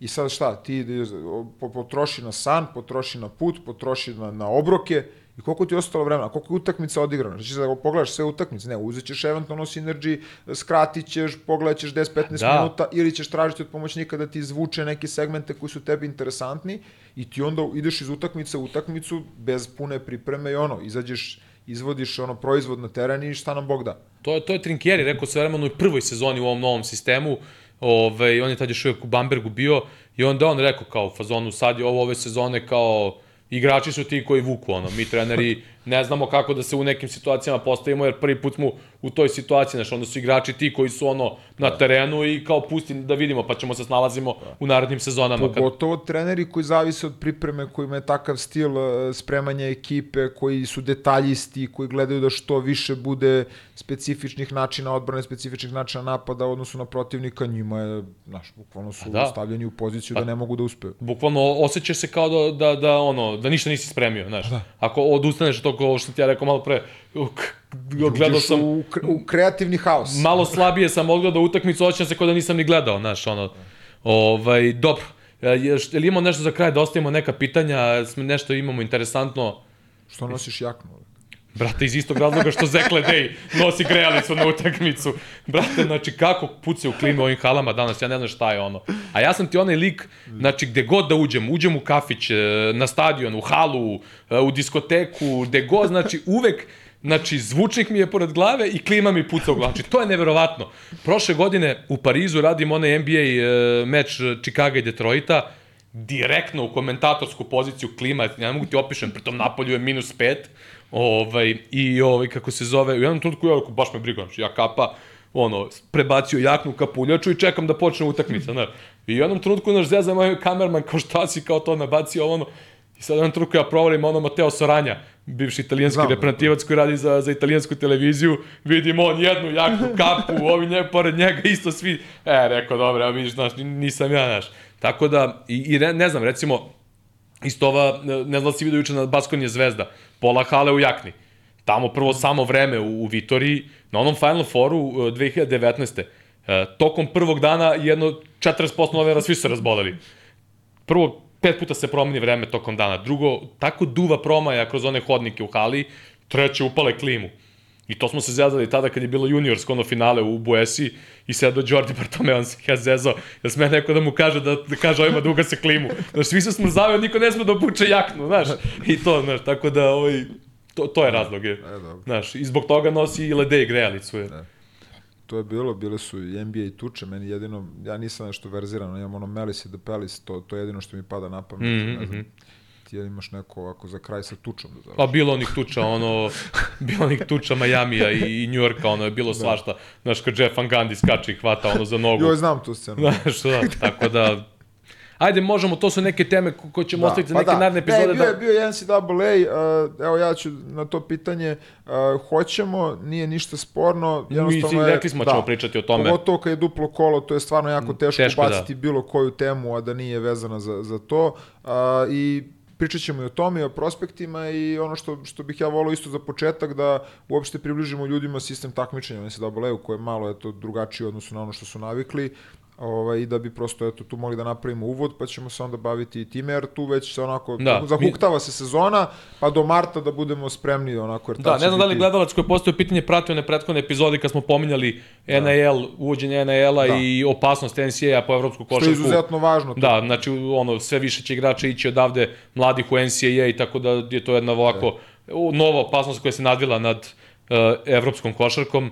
Tako da smo u tom smislu pominjali NCAA u nekom prethodnom periodu, ćemo sigurno predstaviti da. neke prospekte. Mi smo pričali o, o Cooperu Flagu i o VJ Edgecombu kao nekim srednjoškolskim zvezama koji, na, koje nadolaze, odnosno m, još uvek ne znamo, to jest znamo da će Flag na Duke, a vidjet ćemo da li će na St. John's ili gde već VJ Edgecomb, tako da sigurno ćemo pričati i u narednom periodu NCAA, ali bilo je još nekih e, pitanja? Pa, za danas, ja mislim, jel, što da pogledam ili... Pa ne znam, aj, baci pogled, da li ima nešto još da, da ovaj, za kraj odgovorimo, da ako ima. E, pa, evo, sad ćemo da vidimo. Spremit ćemo to za... smo odgovorili smo na, na, na ove manje više stvari koje smo pričali, a većina ovih tema opet bi iziskivala duže odgovore, ne znam, tipa Cinderella priče neki u, u NBA-u, ovaj, možemo to u sledećoj epizodi, pa bi se ja nadovezao na to, pre svega Cinderella priče iz college košarke koji su mi onako uvek zanimljivije nego u NBA-u, jer opet, iako je Cinderella NBA šesti ovaj, na listi, mislim, opet su to najbolji igrači na svetu, a ovako Da, kad, da, da. kad upadne neka Northern Iowa ovaj, ili neki VCU na, na, na Final Four ili George Mason, mislim Pa da ili to... znaš ono, ili ona titula, ono, Jimmy V, Da, naš, da, da. Valvano, ono, Fajs on, Džama. a? Pa, ovaj, znaš, to, to mi je, znaš, ta njihova titula je nešto spektakularno. Tu čak ima onaj dokumentarac E ESPN-ov o toj njihovoj tituli NC State-a, ovaj, tako da ko to nije gledao, to preporuka i taj dokumentarac, onako posebno što trener Val, Valvano je onako bio baš vrlo specifičan i kasnije kada, je, kada se razboleo i onaj njegov govor, Govor, na jeste. SP nagradama i sve ostalo, eto, ko nije gledao taj dokumentarac o tituli NC State-a gde su izbacili i Severnu Karolinu i Jordana i, i način, i za, samo ova neka priča, eto na tom nivou NCAA gde on faulovima tera Severnu Karolinu da uđu u problem, ono sa jedan za jedan pravilom, znači e, neko, neko, neka psihologija i sve to način na koji su oni dobijali sve te utakmice gde su bili ono outsideri i sve ko nije gledao taj dokumentarac, nek pogleda baš onako vrlo interesantna plus životne priče i njegova i kasnije nekih igrača i sve ostalo, da ne bi sad spojlovao, pogledajte ko nije gledao, jedan od boljih sportskih dokumentaraca bez ikakve dileme. Eto. Da završimo sa pop kulturom. Sa nismo, preporukom. Nismo stigli prethodne dve epizode, ja mislim da se Mogu ja dotaknemo. mislim i duže. Ja Pa da, i eto. duže. Tako da, ne mogu sad tačno se setim kako se taj dokumentarac zove, ali ono, 30 for 30 ESPN-ova ona Pa edicija lako, dokumentarac, mislim, ali, šta. eto, Samo Jimmy V. Jimmy V i ovaj, NC State, tako da, eto. Za danas je to to, je tako? Koliko smo, jesmo prepucali dva sata? Dobro, ajde, korektno. Ostajemo, ne, moramo, ja sam rekao i prošli put, moramo da ostajemo u čežnji, onako, znaš, da ne bude da smo sve rekli, nego da uvek ostane kao, još, joj, niste Da. rekli ovo, niste pomenuli ovo, pa ima vremena, evo, Jeste, sled, ćemo. slede interesantne utakmice ovaj, u Euroligi. Vrlo brzo će opet duplo kolo, tako da ćemo u jednu sledeću verovatno moći malo da prodišemo, ovaj, da s- više tema ono, ovaj, Kao što odaberemo. sam rekao, nama je najteže. Baš tako. Kakvi igrači, kakvi treneri, Treba Super. pričati o tome. Da, da, da, da. Što se ove epizode tiče toliko. Over and out. Ćao.